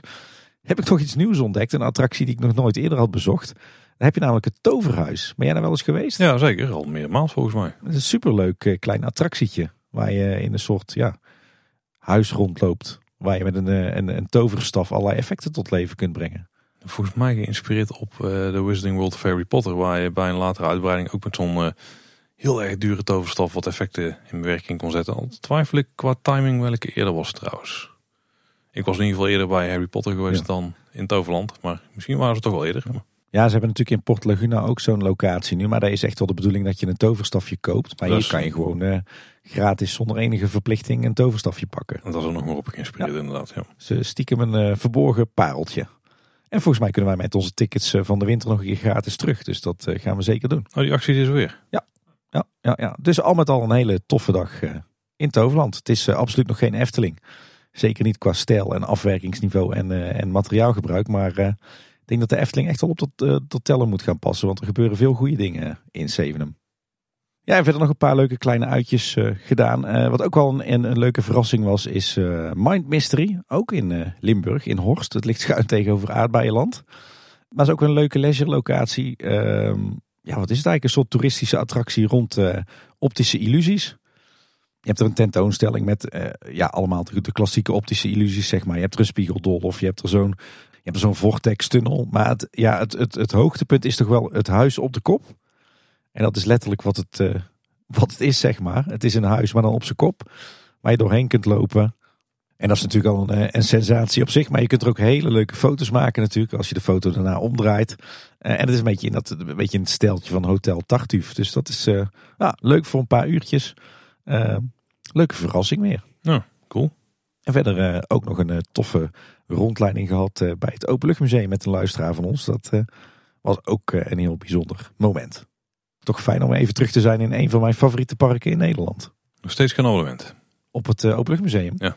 Echt wel, al oh, jarenlang. Oh, oké. Dan kan gewoon met je museumkaart binnen, hè? dat is wel logisch, ja. dat is denk ik nog steeds het meest aantrekkelijke leisure abonnement in Nederland. De museumkaart. Echt een abonnementje? Nou ja, aantrekkelijk, aantrekkelijk in de zin van hoeveel waar krijg je voor je geld? Ja, nee, dat, dat is denk ik wel ja. Nee, Efteling blijft natuurlijk favoriet. Hey, tot slot nog twee uh, luistertips. Uh, onze gewaardeerde collega's uh, Michiel Veenstra en Thomas van Groningen, natuurlijk van Details en Theme Talk, die waren te gast bij Vink. De podcastgids van Nederland is dat geloof ik. En zij werden een beetje uitgevraagd door Misha Blok volgens mij. Natuurlijk een van de grande dames van Nederlands podcastland. Uh, over uh, het fenomeen pretpark podcast. Wij kwamen ook nog even voorbij, hoorde ik. En uh, nou, superleuk, grappig, laagdrempelig interview met beide heren. Aflevering 208 van Vink. Ga het zeker luisteren. en een leuke nieuwe podcast die sinds deze week bestaat. Steengoed. Over Lego en dan eigenlijk vooral Lego voor volwassenen. Van hele bekende namen. Van Nelger en, en Mark. En nu zat ik er dus de eerste aflevering aan te luisteren, want die staat in de Trust Nobody feed. Want daar kennen die, uh, die mensen natuurlijk van. Van Trust Nobody, maar ook van uh, de spoorkasten. En Mark kun je trouwens ook kennen van een, uh, van een kleine boodschap aflevering. En diverse Team Talk afleveringen. Oh ja, ook zeker. Nou, Mark die is overal te vinden. Maar het is altijd erover dat, dat er drie keer in de week dan een aflevering werd uitgebracht erin. Toen dacht ik, hè, gaan ze die podcast nou drie keer in de week uitbrengen? Nee, dat is natuurlijk in de weken dat Wie is de Mol of De Mol loopt.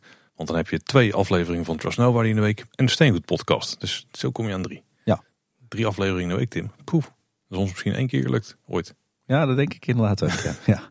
Nee, een eh, aanrader als je wat hebt met, uh, met Lego. En ik denk stiekem dat dat toch wel zo'n typisch zo'n hobby of interesse is die uh, ook heel veel Efteling-liefhebbers hebben. Tenminste, als ik kijk in mijn sociaal netwerk, dan zijn er best wel veel volwassenen die heel graag met, met Lego bouwen. Waaronder ik zelf ook trouwens. En ik ook. Ja, als ik hier rondkijk is dat wel duidelijk. Uh, dat is wel duidelijk. De studio is enigszins aangekleed met, nou, het valt nog mee hier. Vrij subtiel. Met eigenlijk een goede Efteling set bij.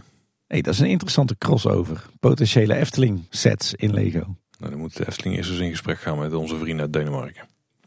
Hey Tim, dat was weer voor eh, deze aflevering. Gelukkig maar, want de stem is nu echt overleden. Ik zal de rest van de outro zoveel mogelijk doen, Tim. Luisteraars, hebben nou nog een vraag voor ons? Willen jullie iets aan ons kwijt? Dat kan op verschillende manieren. Als je naar kleineboodschap.com slash volgen gaat, vind je in ieder geval alle social media kanalen waar wij te vinden zijn. Maar wil je liever een, een langer bericht sturen aan ons, dan kan het ook via de mail info.kleineboodschap.com is de plek waar je ons kunt bereiken.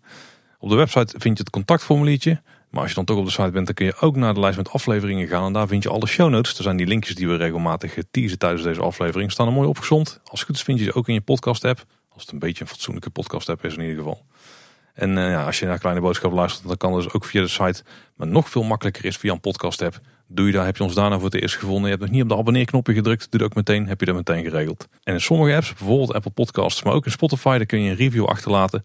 Doe dat ook Mhm. zeker. Ik heb de onderzoekresultaten gecheckt, Tim, van het eh, grote Kleine Boodschap luisteraarsonderzoek. En daar blijkt toch dat heel veel mensen ons gewoon een keer in de podcast eh, hebben gevonden. Of zochten op Efteling of Aha. weet ik veel wat. En als je dus een review achterlaat, dan komen wij wat hoger in die rankings allemaal terug. Dus daarmee help je ons enorm. Maar als je iemand anders vertelt over Kleine Boodschap, dan help je ons misschien nog wel het meest. Want dat is toch wel echt de manier waarop we de meeste trouwe luisteraars eh, binnenhengelen.